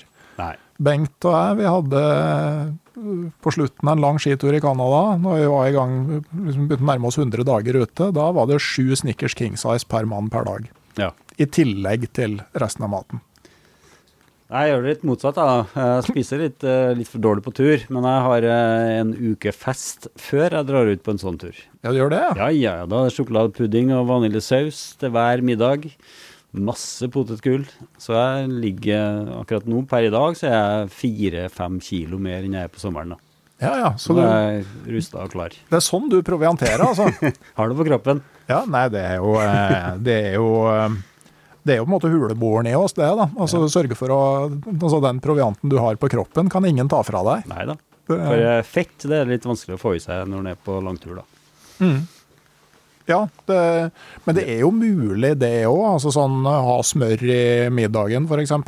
Det booster jo turmaten vesentlig, selvfølgelig. Ja, for du, skal ikke ha så mye smør i en real før eh, smøret har like mye energi som realen. Det er sant. Mm. Det, så, så det er noe å, å tenke på. Men det, det er ikke sted altså, Det er kanskje fristende for noen å tenke at ja, det her er en fin mulighet til å gå ned i vekt. Men igjen, ikke introduser flere utfordringer i det her samtidig. For det der følelsen Hvis du ikke er vant til den følelsen når kroppen går tom for karbohydrater og skal over på fettforbrenning, den slappheten og maktesløsheten der, den vil du helst ikke ha akkurat idet det begynner å blåse opp litt, og du er i ferd med å sette opp eh, camp. Nei, lag deg en rutine mens du er ute og går. Du skal ikke kjenne på den slappheten der. Eh, Når den er kommet, så er det litt for sent. Mm. Så lag deg en sånn rutine med at du spiser et eller annet, nøtteblanding eller en sjokoladebit, eh, hvert 40 minutter eller et eller annet. Det er et veldig godt poeng. Og så er det òg viktig å være klar over om morgenen at det veldig ofte går lang tid fra du spiser frokost til du kommer i gang og begynner å gå. Ja. Og det er jo noe å tenke på. Altså ha et eller annet eh, enkelt å få i deg rett før man skal starte. Ja, jeg bruker jo å utsette eh, frokosten til det siste, da. Mm. nå vet jeg jo eksakt hvor lang tid det tar å rive en vintercamp, for jeg har gjort det så mange ganger. Må du, der må du bare prøve deg fram hvis det er første gang. Mm. Men uh, uansett, uh, pakk ned alt mulig inn i teltet, uh, og så spiser du. Når du har igjen sånn 40 minutter før du skal begynne å gå. Ja. Da er jeg ca. der. Da, da varer energien et stykke mens du begynner å gå, da. Det er et veldig godt poeng. Det er et veldig godt poeng. Jepp. Det var eh, en av følgerne på Patrion som sendte inn et lite dilemma til deg. Altså, Hva vil du helst ha med? Ett kilo med bacon eller en liter røkt skotsk whisky?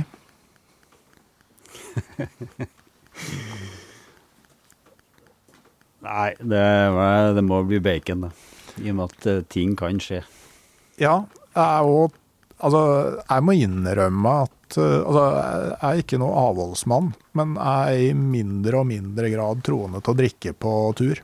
Fordi at eh, jeg har ikke lyst Altså, én ting er på vintertur, hvis det er første gangen, så tenker jeg at da er det bacon du skal ha med, og ikke sprit. For du skal ikke ha noen ting som uh, tåker til dømmekraften din, eh, heller ikke i telt om kvelden, for du fyrer primus og sånne ting.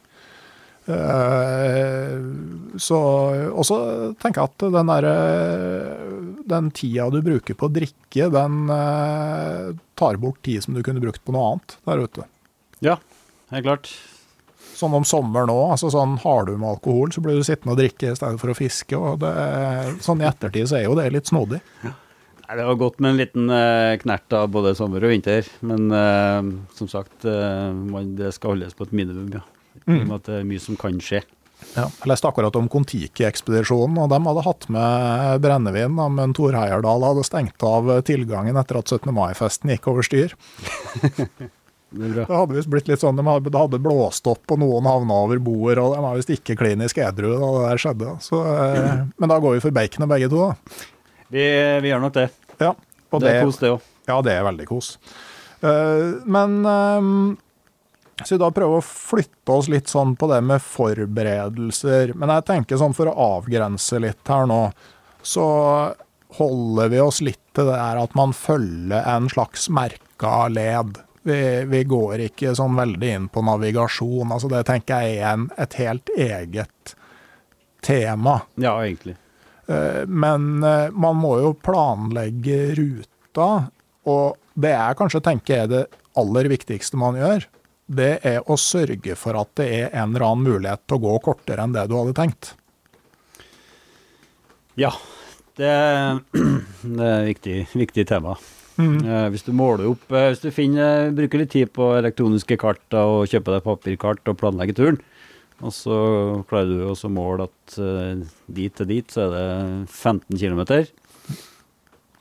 Det må du minst gange med 1,5 i sånn reell marsj. Eh, og så må du Du reduserer det enda mer, da, for at det går mest sannsynlig tregere enn du tror. Ja. Så eh, legge opp til kort rundtur. Og så tar du dem eh, Kan jo dra det litt lenger hvis det går bra, bra fremgang, men eh, mest sannsynlig så klarer du aldri å gå så langt som du tror du Eller ønsker du skulle gått. Nei, altså det har jo veldig mye med føre å gjøre. Jeg hadde en sånn tur inn i Børgefjell med en, eh, en eh, turkompis som eh, Det var vel tolv kilometer vi skulle gå, sånn, litt sånn merka opp, sånn som du sier. Og Nei, det var jo sånn gjengs at den turen der tok rundt tre timer.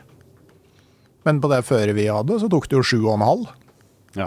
Det, når du går og vasser i snø til knes, Yes. Eh, og elva ikke har fryst, så du må inn i bjørkeskogen i stedet for å følge den. Og ikke sant? Altså, ting skjer, og ting går saktere. Og du vil veldig ofte ha et ønske om å kunne korte inn turen.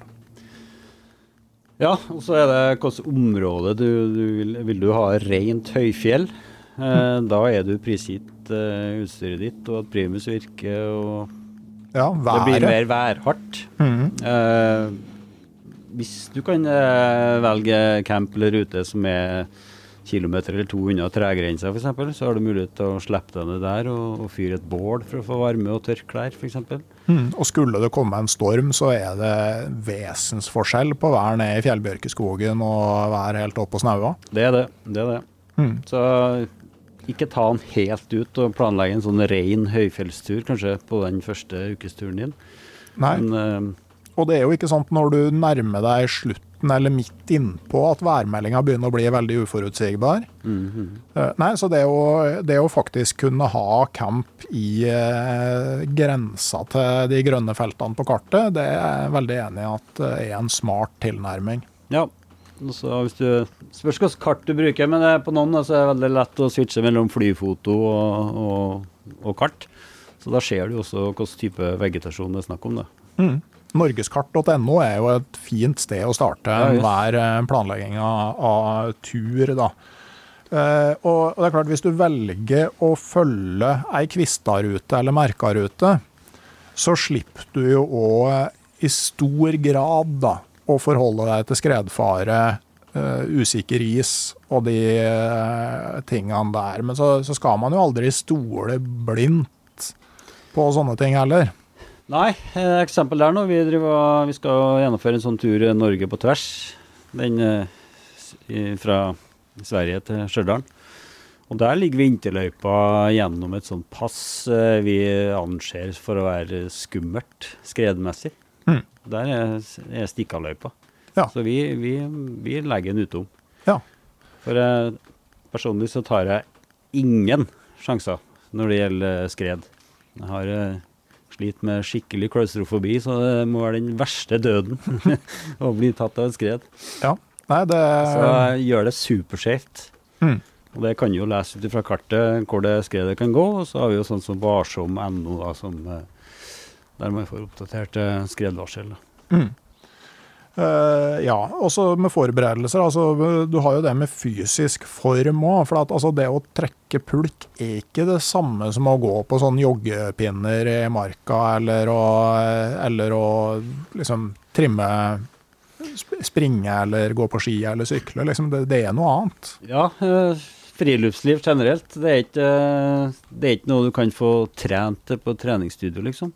Det, det må bare prøves, og det må dra pulk. Da er det liksom hofte og korsrygg og Knær. lår, kna, lår knær eh, og kondisjon, eller O2-opptak, da. Mm.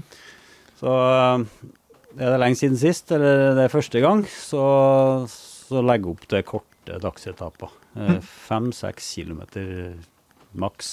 Ja, og så det går an å bruke turen til å komme i form, da, mer enn å trene seg inn. Men det er jo altså en kompis av meg var innom her og på tur i Estenstadmarka i Trondheim nå i helga. Han skulle til fjells neste helg. Så i stedet for å ta konkurranseskiene og skøyte seg en tur, så tok han med fjellskiene og hev på seg en sekk. Og, og gikk en tur på det utstyret. da. -hmm. Og det, da får du jo sjekka om, eh, om utstyret fortsatt funker, og eh, jeg har fått prøvd kroppen med sånn litt riktig belastning. Så det er jo noe å tenke på. Ja. Nei, du var inne på det. Eh, Man går seg i form. Du, du, du kommer til å merke det på en ukestur. Mm. Som sagt, når du kommer rett ut fra bilen, og de første meterne er forferdelig. Altså dag to kanskje ikke helt superdeilig, men så Mm. mest sannsynlig, hvis du går litt. Ja. Og det er jo spesielt da hvis du ikke går i kjelleren de første dagene. For at hvis du liksom har lagt opp til en kjempetappe på fredag kveld, så kan du jo slite med det resten av uka omtrent. Det kan du. Mm. Eh, skal vi se Men da eh, har vi jo i stor grad forberedt oss. Men det er jo noe med det å informere hjemmefronten òg. Ja, det, det er det. det. Det er jo en firevettregel, det. Meld fra hvor du går. Eh, hvor lang tid du har tenkt å være ute. Eh, og sånn cirka løypa di Mm. bør du informere om. Nå eh, er det jo mange som eh, legger ut sånn eh, turtips rundt planlegging. Masse rart å finne der, da. På Instagram. Oi, der gikk til skred og fra taket opp her. Instagram spesielt, da. Der var det noen som mente at det viktigste var dekningskartet til Telenor. OK. Uh, Ja, hvis du skal legge ut på Instagram, så er det jo det. Men ja, jeg ønsker jo å bli kvitt telefondekninga når jeg er på tur. sånn sett så er du jo faktisk enig, ja. Ja. Så uh, det må man ta høyde for da når du er i norske fjellheimen, at du mister telefondekninga. Så det er ikke sikkerheten din. Så da spørs det hvor godt uh, drilla er du på vinterfriluftsliv, og hvor langt tør du å gå. Hvis du ikke har uh, kommet hjem innen uh, planlagt tid, når begynner da folk å lete etter deg? Ja. Det kan være altfor sent. Mm. Hvis du skal hjem søndag og uhellet har skjedd tirsdag uka før, Mm. så kan du ligge der, da. ja, det er jo hvis du er aleine, da. Hvis du er alene, ja. Mm.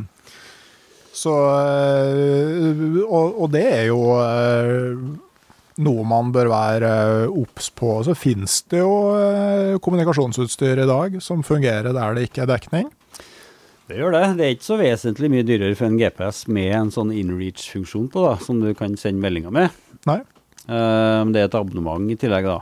På Mm. noen eh, ja, 150-200 kroner i måneden. da.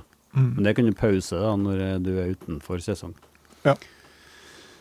Men eh, er man, eh, er man eh, flere på tur, eller to, da, så, så heller ikke da gå altfor langt, sånn at det er mulig å gå tilbake i sporene dine om en ulykke skulle skje, så at du kommer deg fort, fort tilbake igjen.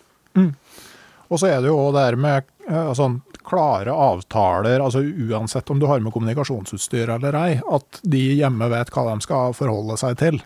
For plutselig så virker jo ikke elektronikken, eller den har blitt stående på og gått tom for batteri, og øh, da, da er det litt viktig at, øh, at avtalene er klare. Og så tenker jeg òg at, at de hjemme har kontakt med hverandre. Hvis det er flere som er på tur sammen, at de pårørende har mulighet til å komme i kontakt med hverandre. Så det å lage en bitte liten e-post eller melding med 'hei, her, her har vi satt dere i kontakt', Lag en avtale. det kan være veldig greit. Jeg gjorde en tabbe der i, i sommer, da, for jeg hadde en sånn litt alvorlig episode oppe på Børgefjell. OK? Jeg tryna i steinur og slo et seriøst høl i hodet mitt. Kunne gått skikkelig galt, og en mista en hund med kløven og maten min og alt sammen. Det var ikke dekning der, da. Men jeg fant meg en, eh, en fjelltopp til slutt og fikk sendt én tekstmelding til broren min om hva som har skjedd. Og så brukte jeg inreachen når jeg kom- ned i teltet igjen og sendte melding til ei anna ei. Mhm. Ikke planlagt, som du sa. Og da begynte jo alt det her å gå. Ja. Og det ble laga historier, og så ble dattera mi kobla inn, og da blir det jo straks litt mer styr. Så det, det har jeg lært, da. Én kontaktperson og varsle, varsle videre. Ja, jeg hadde jo litt eh, altså Det, det ordna seg, men det, det var en i Børgefjell med, med en eh, kompis hvor jeg kommer fram og så finner ut at den InRagen er tom for strøm. Eh, og så begynner jeg å tenke det her er jo starten av en ukestur, og altså, hvordan blir det her hjemme nå, når det ikke kommer noen ting? Og så tenker jeg at kompisen har jo med en tilsvarende en spot, da, og har jo sendt hjem. Men eh, de to hjemme er ikke linka opp med hverandre. Nei. Så eh, når de hjemme hos meg da etter hvert ville begynt å lure, så kan ikke dem, har ikke de noe kontaktinfo til den andre familien. og kan spørre har dere, dere hørt noe. Eh, så fant jeg jo en, eh, fant jeg en eh, ladekabel og hadde strøm, da, så det ordna seg. Men det var sånn oppvekker for min del òg. Altså, sånn, sørg for at, at de har kontakt med hverandre, og at de vet hva som er prosedyren. Altså, før du setter i gang noe, hør alltid med motsatt part. Ja, ja. Det ble jo nett, nesten satt i gang en redningsaksjon, da, for det ble fire-fem personer som var involvert i det uhellet mitt. da. Ja, Åssen er hodet nå? Hodet, hodet er bra. Ja. Og en sånn lite PS der da, når det gjelder tur. Eh, eh, reiseforsikring. Mhm. Det må man eh, vurdere hva man har. For jeg skada meg sjøl eh, voldsomt, som sagt. Jeg mista masse utstyr og knekt eh, fiskestang og greier.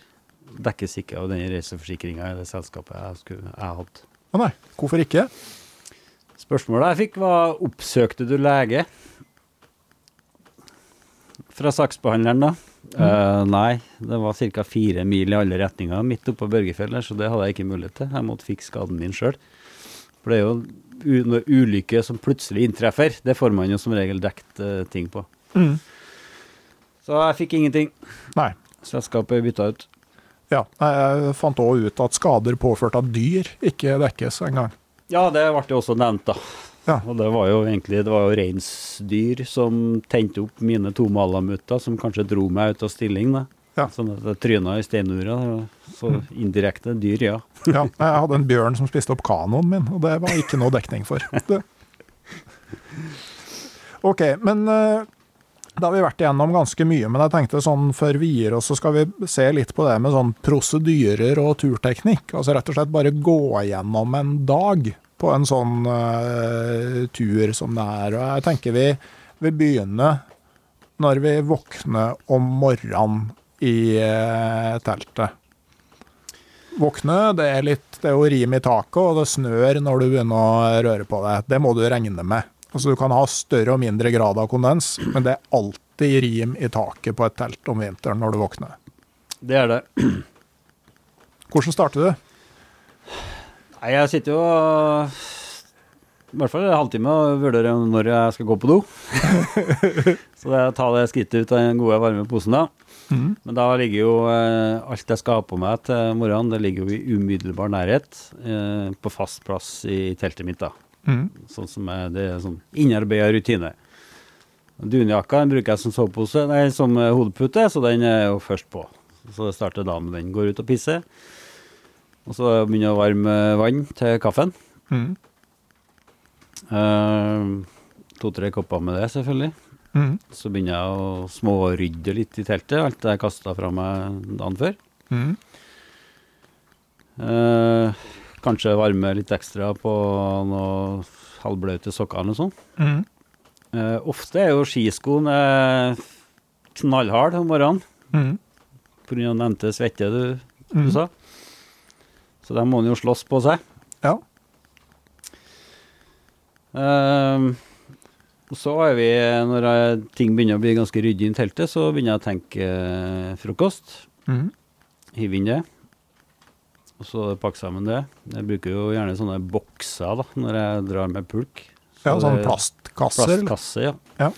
Som er med inn i teltet, så det er fort gjort å pakke det sammen.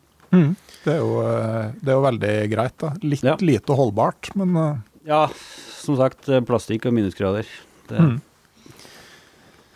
Ja. Eh, så jeg bruker en sånn bedding, da. Det vil si en sånn eh, pose der både liggeunderlag og soveposen ligger utrulla inni.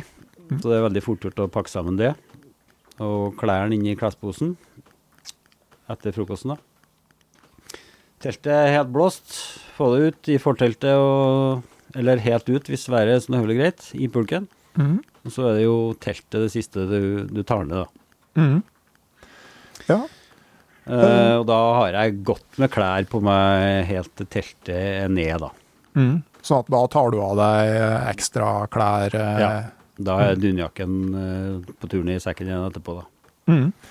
Ja. Så er eh, det jo eh, Teltet kan jo være litt sånn eh, Jeg koster det rent. Jeg har med en sånn enkel børste, så jeg får bort mest mulig snø og is, da. mhm. Så at, eh, for det klabber jo på seg vekk til teltet dag for dag.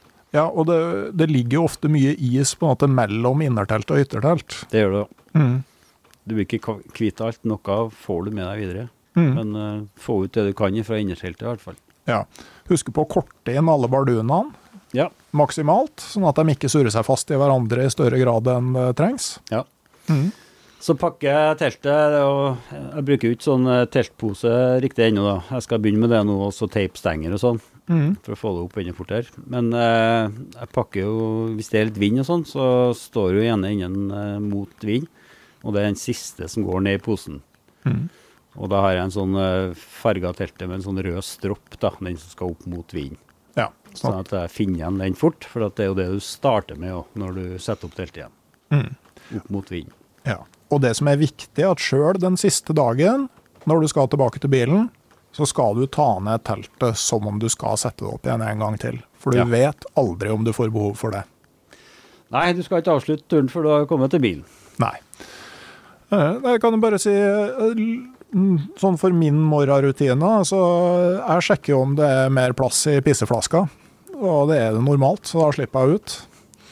Eh, og da har jeg ikke Eller antagelig så våkner jeg ikke at jeg må pisse engang, for det har jeg vel nok gjort i løpet av natta. Eh, Men det første jeg bruker å gjøre, er jo å håndtere kondensen i teltet. Eh, At jeg fyrer opp primusen, og så har jeg en sånn firkanta grønn matboks klar. Og sånn akkurat når snøen oppi taket begynner å bli kram, så kan du bare ta den der matboksen og så dra av. liksom Da kommer sånn fine Kommer liksom eh, rimet i teltet Ja. fint av. Og så følger du etter. for det der eh, området, Hvis du begynner for tidlig, så, så drøss det. Og venter du for lenge, så smelter det jo. Men du finner etter hvert ut liksom akkurat når det passer kramt, og det der punktet flytter seg jo sånn sakte nedover teltveggen. Så mens du da får varme inn i teltet, så har du liksom fått av eh, rim og kondens. Og så, ja, hvis jeg har strupa ventilene litt kvelden før, og åpne dem litt mer, og så få lufting, og så fyre litt primus, krype ut av soveposen kanskje, få varme i teltet, og så få tørka det ut aller først. Det, men etter det så er vi nok ganske på linje. Ja, og er det, er det opphold og vind, så bruker jeg også å ta, ta med soveposen ut. eh, få bort kondensen som ligger utapå den. Mhm. Er vi på fjellet, så bruker jeg skistaven og skien og legger det, posen oppå, så jeg får det lufttørka litt mm. før jeg pakker ned igjen. Ja, Nei, men det, det kan være greit. Og så er det, som du sier, med, med dobesøk, er det veldig dårlig vær, så kan du bruke kuldegropa i ytterteltet det siste du gjør før du går. Det har jeg gjort mange ganger. Ja, Da har du et uh, lunt og godt uh, dass for uh, nummer to. ja da, det er med litt planlegging og sånn lagvis lagvis påøking, så går det veldig fint. Og så er det sånn på lengre turer så vil du faktisk òg merke at kroppen innstiller seg på det. At det store, det gjør du etter Eller det siste du gjør om morgenen. Og, og det å måtte bli gående og holde seg eh, ødelegger jo enhver turglede. Spesielt når du går og drar pulk og stadig får det der presset over magen. Ja, det er en, bare en sånn ting jeg bruker alltid å si rundt det der òg. I hvert fall til meg, da, så er jo forbruket mye større enn inntaket på sånne turer som det her. Så Mm. da må nødvendigvis ikke, ikke som ofte på do. Så fra meg, så det, det går over til hver tredje dag, liksom. Ja. Fordi jeg går liksom Du er i, helt i vater på forbruk og inntak. Mm. Skulle du liksom komme dit hvor, eh, hvor det er vanskelig å få gjort det du skal, så er jo en skikkelig kjel med kokekaffe Det setter jo fart på det meste. Kaffe og snus bruker å funke. Ja. OK, men eh, da er vi ute, fått pakka ned teltet, eh, er klare til å gå. Hvordan er rutinene dine i løpet av dagen? Ja, siste jeg gjorde før, eh, i, mens jeg var i teltet, det var liksom å koke opp vann og termosen og, og lunsjen klar. Ja. Eh, For den må ligge lett tilgjengelig. Mm. Jeg bruker jo beddingen til det som ligger på toppen av pulken. Nei, jeg går, eh, jeg er jo gammel militær, så jeg følger jo 50-10. Mm. Jeg går 50 minutter og 10 minutter pause. Ja. Pausen blir jo kortere hvis det er skikkelig kaldt og drittvær, da. Nedbør.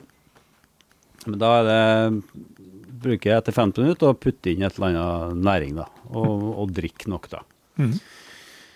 Eh, underveis så sjekker jeg jo kart og sånn eh, konstant, hvis jeg er utafor spor. Mm. Så jeg hele tida har kontroll på hvor jeg var hen. Mm. For eh, 15 minutter siden. Mm. Går ikke for lange strekker i gangen. Nei. Eh, ja, rundt eh, tolv Eller halvveis på dagen så er det jo lunsj, da. Mhm. Finne seg le. Kanskje grave seg en liten grop. Eh, og så er det jo den nudellunsjen. eh, Noe varmt, i hvert fall. Mm. Gjerne noe kakao eller ekstra kaffe. Mm. Eh, og så bruker jeg Før jeg velger, velger camp, da skal jeg ha igjen en eh, to og en halv, tre timer dagslys. Et Ja. Et par timer i hvert fall, da. Mm. Da bruker jeg å sette deadline på nå må jeg finne en camp. Så Mhm. jeg har litt lys mens jeg holder på med det. Det er jo spesielt lurt i starten, da, når du er ny og ikke, ikke ordner deg så du må gjøre masse ting i mørket. Ja, for det, det blir en helt ny dimensjon å navigere i mørket. Det, der er jeg søren ikke god sjøl ennå. Så det, det er vanskelig, altså. Ja, og samtidig bare å sette opp camp i mørket er noe annet enn å gjøre det i dagslys. Altså Sjansen for å rote til noe, miste utstyr, eh, sånn, blir mye større. Når det gjelder sånn drill på småting, da, når vi var inne på det med mørket, liksom, du har jo med hodelykt, og den bør være lett tilgjengelig. Men eh, Når du står i stappmørket og batteriet på hodelykta går, klarer du da å skifte batterien? Det er et spørsmål du kan stille. Mm. Ja. På en liten detalj man kan drille på. Mm. Et greit sted å ha hodelykta er jo rundt halsen. Da er den noenlunde varmt, og den er tilgjengelig når du trenger den. Mm. Men eh, som du sier, altså, eh, du skal drille en del før du klarer det å få batteriene eh, du, skal, du kan ikke sitte, basere deg på å se på lykta hvilken vei polene skal, f.eks. For, eksempel, for du kan jo kjenne polariteten på batteriet, Mhm. kjenne pluss- og minuspolen, men du må vite hvilken vei de skal. Og hvor lett tilgjengelig er batteriene? Ja. Det er stappmørkt. Jeg har dem alltid i venstre lomme. Ok, ja. Og så er det jo der òg, ikke sant. Noe av det her handler jo òg om å være i forkant. At uh, du du legger unna de halvbrukte batteriene når du starter på en sånn tur, og når du merker at lyset begynner å bli ordentlig dårlig, så bytter du i teltet om kvelden i stedet for neste kveld når du Mm. trenger det. Så, eh, så det er jo sånn med å, å prøve å tenke gjennom å være i forkant med sånne ting. Men det, det kommer jo til en viss grad med erfaring, da. Det gjør det. Eh, Det er jo det det hele handler om. Du må bare begynne en start med en plass med en ukestur, og så du drar med deg sikkert altfor mye utstyr og klær og alt, men bare gjør det, og så, så lærer du av det til, til neste gang. Eh, Jeg tenker sånn underveis på dagsetappa, så spesielt hvis været er litt ruskete, så kan det være lurt å merke seg plasser som det var le. Ja. For eh, hvis det virkelig tar seg opp, da, når du nærmer deg camp, og du husker at for en halvtime siden, så var man jo i et område som var veldig rolig. Så er det kunnskap som er greit å ha. Ja, helt klart. helt klart. Det blir jo det samme som å snu seg hvert tiende minutt og se bakover den veien du har gått. I forhold til sånn navigeringsteknikk, da. Ja. For den veien har du aldri sett terrenget. Nei, det er et veldig godt poeng. Og så legg merke til, liksom, ikke sant, passerer du hytter, altså huske på sånne ting som kan øh, komme godt med. Da. Sånn, her går det en setervei ut, den ser vi. Altså, øh, prøve å være litt bevisst på hva det er du går forbi, for plutselig en dag så får du bruk for det. Det er klart. Mm. Og jeg er litt sånn eh, spesiell, da. det har sikkert med min militære bakgrunn å gjøre. Jeg har jo ting på faste plasser på kroppen når jeg går òg. Jeg har liksom energibarene i venstre brystlomme. Jeg har en, eh, en sånn eh, Swiss, eh, Swiss Army-kniv i høyre, sammen med lighteren som alltid ligger høyre. Mm. Jeg har ting på faste plasser. Det er helt sånn autopilot. Uh, man må jo ikke gjøre det sånn, men uh, det er i hvert fall noe som, uh, som er eh, innøvd som en sånn eh, god teknikk. Da. Så jeg mister sjelden utstyr, og så er det sånn Av erfaring vet jeg hva som må være tilgjengelig og ikke, da, Mm, på kort tid. det er et godt poeng. Men hvordan er rutinene dine for å etablere teltleir, da? Eh, nei, det er jo som du sier eh, Le er jo noe av det første. Mm. Da merker du jo vinden i løpet av dagen, og så leser du litt kart, og så skjønner du at kanskje bak den slaken der, så kan det være fint. Mm. Uh, man trenger ikke å tenke på rennende vann på vinteren. Nei. Så når du har funnet sånn delvis le, så er det å trampe opp et stort område, som selvfølgelig, for at Mm. teltet skal stå, for at det skal være hardt der du setter opp teltet. Ja, tramper du med ski eller med fotene? Trampe med skien, ja. Ja. Uh, hvis det er sterk vind, så, eh, så har jeg alltid på meg en sånn karabin, to karabinkroker med tau imellom, som henger i buksa mi. Eh, enten uh, forankrer jeg det i meg sjøl og i teltet, for da står jo teltet som en sånn pose fra vinden. Mm. Og så får jeg satt ned første, første pluggene. Ellers så kan jeg bruke pulken da, til Mm. de karabinkrokene der. Start med den eh, retningen eh, mot vind. Forankre godt der. Mm. Og så strekker du teltet og gjør unna resten av balloneringa. Ja. Er man, Og, to, eh, er man to stykker, så er det jo greit å ha en som bare holder, og den andre som eh, setter opp. Ja. Det er nok episoder der teltet har eh, forsvunnet utover fjellheimen pga. sterk vind. Så Mm. også den beste gjør det. Eh, Og når du er i, fjellet, da, så, så, så tar jeg absolutt ingen sjanser. Så jeg, jeg bruker det som finnes av barduneringsmuligheter, og, og strammer opp alt. Jeg venter litt med å bruke skien min, for dem skal jeg sikkert uh, bruke eh, litt utover ettermiddagen òg. Mm. Men uh, Bruker du sånn uh, kjøpte snøplugger på alt? Altså, kan man bruke brøytestikker, trelister? Jeg bruker litt forskjellig. Jeg har noen kjøpte, og så har jeg, jeg litt sånn, eh, sånn hobbynerd, så jeg har laga meg noen sjøl i aluminium, òg. Mm. Eh, men jeg har også brøytestikker. Ja. Eh, dem har jeg dessverre knekt litt for mange av i felt. Mm. Igjen så er det jo myk plast og, eller, og kuldegrader. Mm. Og så eh, har de litt lett for å knekke ned i snøen da, hvis du ikke er veldig forsiktig. Ja. Men det, det fungerer bra. Mm. Og det er jo helt sinnssykt dyrt for de eh, ferdige snøplugene, så noe alternativ eh, er kjærkomment. Ja, det, det er jo det. Og så er det jo med valg av leirplass. Altså, det, man trenger ikke legge seg i på en måte en sånn smal dal som ligger oppe i høyden med fallende terreng på begge sider, f.eks. Der er vinden kraftigere enn alle andre plasser. Ja. Eh, er det områder området rundt deg helt regnblåst, ikke sant? mens du har gått i områder med mer snø like før, så vet du at du er i et område som kanskje ikke er det lureste. Ja. Nei, igjen det med skred. Jeg ligger med, alltid med kjempegod klaring, da. Ja, det er jo et poeng, ja. Så eh, Men eh, sånn med, med levegg, da, bruker du det? Har ikke um, vært nødt til det ennå. Men uh, vi har jo hatt det på noen sånne kurs at vi har uh, hatt bygd en. Mhm. Og da er jo regelen at den uh, skal stå et godt stykke unna teltet da, fra den retningen vinden kommer.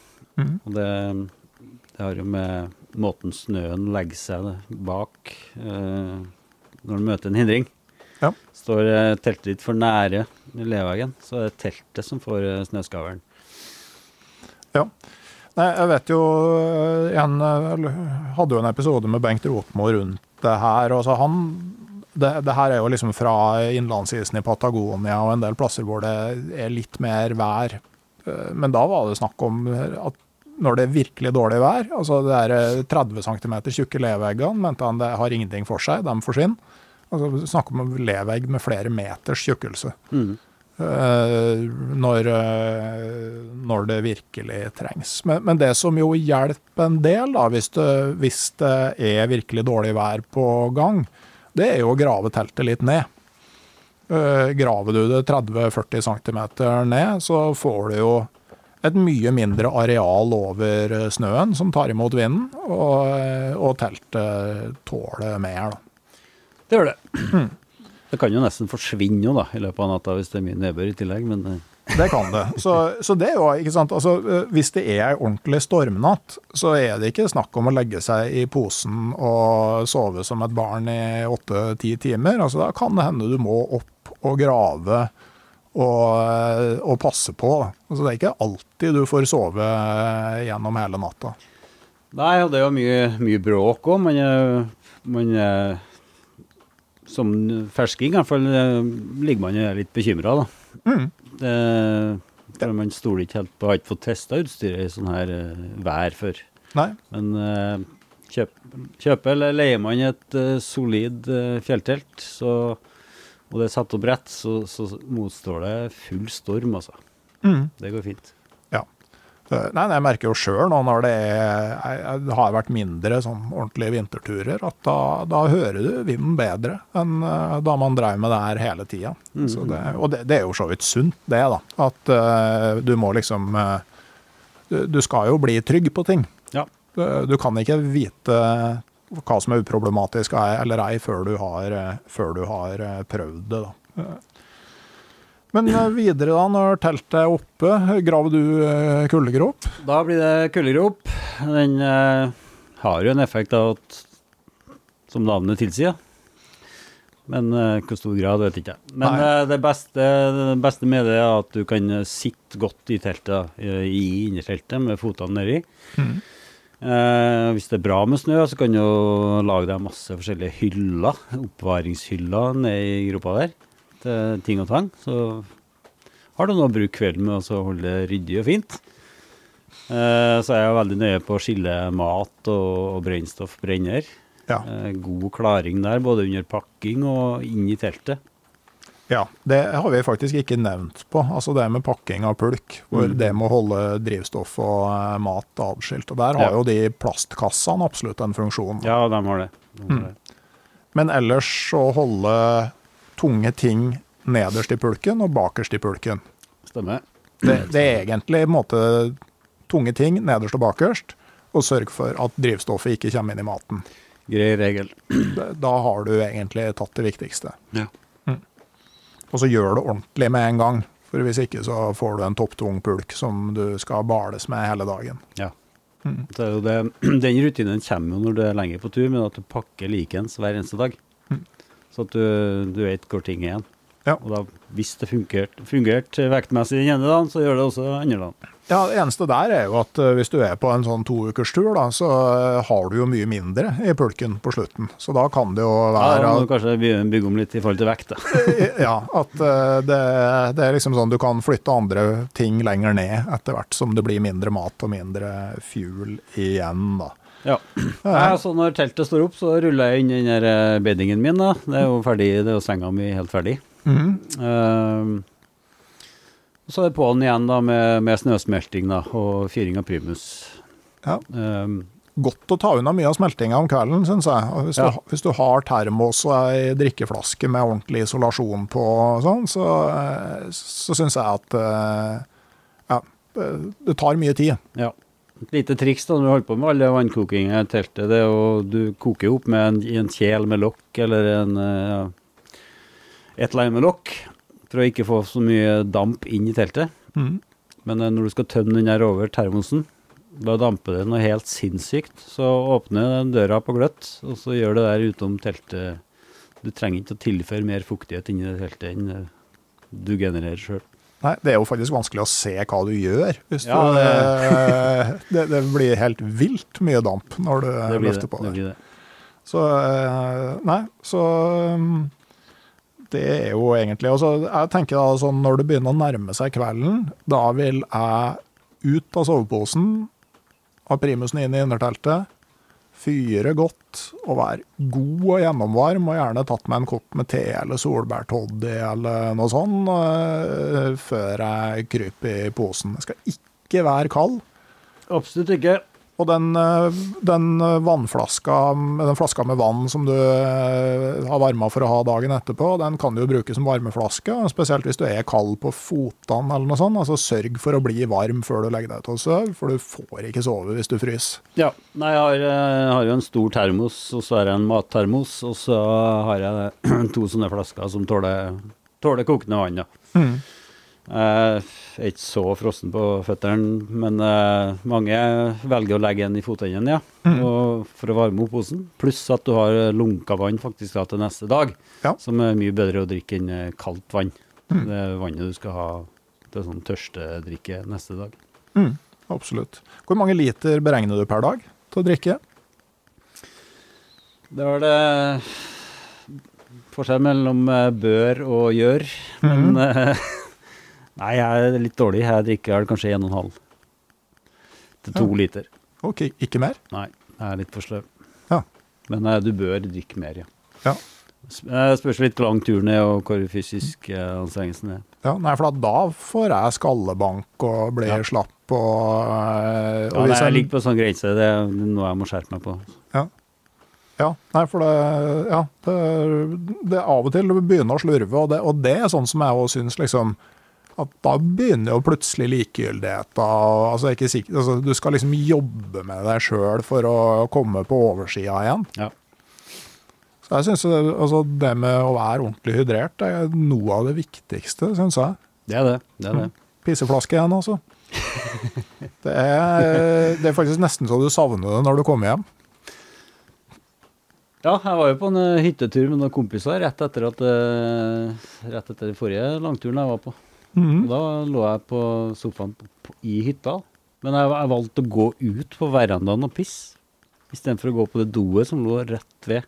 Ja. Jeg, var, jeg var helt ødelagt, liksom. Han lå og holdt meg, holdt meg, holdt meg. Nei, jeg må ikke Men jeg gikk ut og sto og frøys. ja, nei, litt sånn miljøskade, det skal man jo ha, da. Uh, tror vi har kommet gjennom mye. Eh, er det noe mer du tenker på som man skal huske på med rutiner? Det er jo damene, da. Mm. det er ikke så mye ekstra, men eh, de har jo perioder med mensen og sånn. Det skal ikke være noe som helst hindring, det er jo en litt sånn hygienisk aspekt. Mm. Eh, Våtservietter finnes jo. Mm. Eh, ubrukelig på vinterstid. Med mindre du pakker dem enkeltvis i noe Gladpack eller et eller annet, som du kan varme opp eh, på kroppen Ja. om morgenen, én og én. Da funker våtservietter. Mm. Damer fryser jo gjerne litt mer på rumpe og lår. Nå kommer det friskt ifra min eh, kompanjong eh, Kristina, så Mm. det her er facts. Mm. -hmm. det er jo bare sånn det er. Damer fryser jo mer enn mer enn menn. Og, men eh, legg dunjakka som en sånn ekstra isolasjon under soveposen Mm. eh, i området der du fryser. Så ellers så sa jeg det med sånn menstruasjonsperiode, det, det er som hjem. Mm. Og ta med en ekstra pose til avfallet. Da. Ja. Så det skal ikke være noe hindring i det hele tatt. Mm. Og så er det en sånn Hvis du er fersk eh, fersk friluftsdame eh, og skal gå langt over mange dager eh, Du må være forberedt på å kjenne en ny eh, kroppslukt av deg sjøl. Den vil komme. Ja. Det gjelder jo for så vidt for ferske friluftsmenn òg, Ja, ja, Spesielt hvis du velger kunstfiberundertøy. Ja. Det gjelder bare å lukte verre enn alle de andre. Ja. Nei da, det er man flere på tur, så ta gjerne med et ekstra skift. da, hvis det, For det blir ubehagelig i et eh, trangt telt med en som lukter skikkelig dårlig. Mm. Men eh, det vi har nevnt, eh, ikke har nevnt sånn med telt, er jo, som jo er relativt velkjent, da, at et tremannstelt vinterstid, så er det et tomannstelt. Det er det. Det Mm. går alltid opp eh, i en størrelse det. Ja. Og ikke bruk for store telt vinterstid. Fordel dere heller på flere, for da både vindstabilitet og temperatur er en fordel med mindre telt. Altså det, De tåler mer vind, og det er varmere inni dem om natta. Ja. Eh, store sånn femmannstelt med stor takhøyde blir veldig kaldt. Ja. Mm.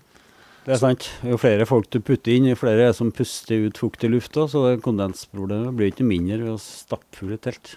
Nei, det, det blir det jo eh, heller ikke. Det blir jo mye formaninger da, ikke sant, når eh, man eh, tar opp et sånt tema. Men hvis vi snur på det da, mot slutten, altså Hva er det aller flotteste med å være på en ukes fjelltur med telt om vinteren?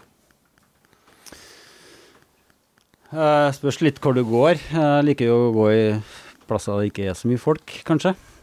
Men eh, nei, det, du, finner, du finner roa på en helt annen måte, som vi var litt uh, innpå her. Du, du lever i nuet. Du, du lager din egen komfort. Du er liksom nødt til å mestre og prestere for å, for å ha det godt. Uh, du jobber inn en sånn autopilotfunksjon i, i kroppen din, skulle du si. Og du, du kobler så gæli ut, vil jeg si. Så er veldig mye det liksom mentale aspektet da, med å være lenge ut. Og det å gå og trekke pulk er jo sånn nærmest sånn meditativt. Du får veldig god tid til å tenke tankerekker til enden. I hvert fall Ja. hvis du ikke er den som skal navigere. Det er sant, det er sant. Mm. Og hvis du da, sånn som jeg da, jeg har ikke med meg noe, jeg laster ikke ned filmer, eller jeg hører ikke på noe, liksom, jeg er bare til stede, liksom. Mm. Jeg kjeder meg aldri på tur, selv om jeg ikke sitter og hører på ting. Jeg vil anbefale det, da. Koble, koble helt ut. Og hvis det ble gørrkjedelig, da, så får du begynne å tenke på om du skal laste ned noen serier, eller eh, ha noe å holde på med på kveldene. Men jeg har ikke det behovet. Nei, Spesielt på vintertur. Det er ganske mye som skal gjøres gjennom dagen. Det er det. Mm. Det er det. Så, så det, tida går. Eh, Så er det det med at du skifter, hvis du legger opp til å skifte camp hver dag, du får eh, du kan tro at den campen første da, den var fin, men uh, nummer to og tre og fire blir sikkert enda finere. mhm. Så du får sett eh, sett mye mer, og opplevd mer, enn å bare gå til Grefsenkollen og henge i hengekøye. Ja, det, og du får jo en helt annen erfaring òg, ikke sant. Altså, Mm. det, det er jo en mestringsfølelse. Ja. Du lærer mye mer av en sjudagerstur på fjellet enn av sju, eh, sju netter i bymarka individuelt. Du gjør det. Du begynner å bygge opp eh, kreativiteten din, for ting skjer. Du må løse med det du har med deg. Du kan ikke google problemet. Så eh, problemløsning blir du god på. Mm. Eh, og nye måter å finne eh, komfort på, og du finner dine måter å gjøre ting på. Mm. Alt det der trenger mengdetrening, og det er en ukes tur er jo en veldig bra start sånn sett. Definitivt. Da sier jeg tusen hjertelig takk til deg, Christer eh, Verdal, for at du var med her i dag. Jo, bare hyggelig. Ja, eh, Man finner vel Fri og Hvil på frioghvil.no, vil jeg anta? Vi er overalt. På, vi har nettside frioghvil.no, ja, og så Instagram og, og Facebook. Mm. Og du finner oss også, Vi har bestilt plass på Camp Villmark i dag nå, så der skal vi ha en stand. Ja, det passer jo fint at du nevner. Camp Villmark er jo fra 24. til 26. mars på Nova Spektrum på Lillestrøm. Tidligere Norges varemesse, og podkasten Uteliv skal også dit. Ja. Har en eh, stand med boksalg sammen med bl.a. Marius Nergård Pettersen. Og så skal vi ha live podkast. Så jeg kan nå foreløpig røpe at Jan Monsen og Mattis Tørud stikker innom for en prat, og det kommer mer om det programmet etter hvert. Så takker jeg som vanlig òg dere som støtter podkasten Uteliv på Patrion. Jeg har den siste uka lagt ut et par saker på nettsida mi som understøtter det temaet vi har snakka om i dag. Det begynner snart å nærme seg 100 artikler der ute. De fleste er tilgjengelig kun for det digitale turlaget på Patrion. I tillegg så kan dere òg høre forrige ukes Patrion-episode om temaet kullos. Dersom du registrerer deg, og det tar kun et par minutter. Denne støtten fra Patrion er veldig viktig for å holde podkasten Uteliv på lufta. Det samme er min kommersielle samarbeidspartner Barents Outdoor. Jeg håper du har fått med noen nyttige tips. Kanskje du får prøvd ut det her noen av de kommende dagene, eller i vinterferien. Om ei uke så er det uansett klar for en ny episode av podkasten Uteliv. Og inntil da så sier jeg rett og slett ha det bra.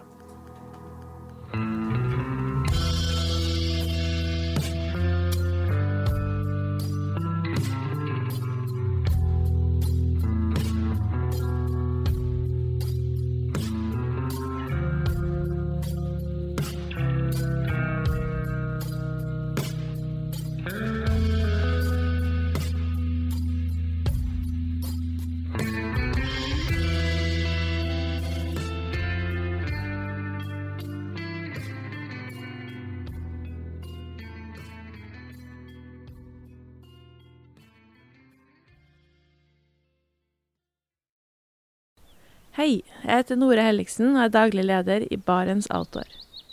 Det beste vi kan gjøre for planeten, er å redusere forbruket vårt og få mer ut av det utstyret vi allerede har. Men vi vet av erfaring at bruken av telt kan endre seg over tid. Det teltet du kjøpte for to år siden, passer kanskje ikke det behovet du har i dag. Derfor har vi i Barents etablert en egen panteordning der vi tar imot brukte telt av god kvalitet i innbytte når du kjøper et nytt av oss. Prosessen er enkel. På barentsoutdoor.no gir det oss informasjon om teltet du vil bytte inn. Basert på det får du et tilbud fra oss som gir deg rabatt på ditt neste Barents-produkt. Mer info og betingelser finner du på barentsoutdoor.no. Og husk at den første reparasjonen på produkter fra Barents er alltid gratis.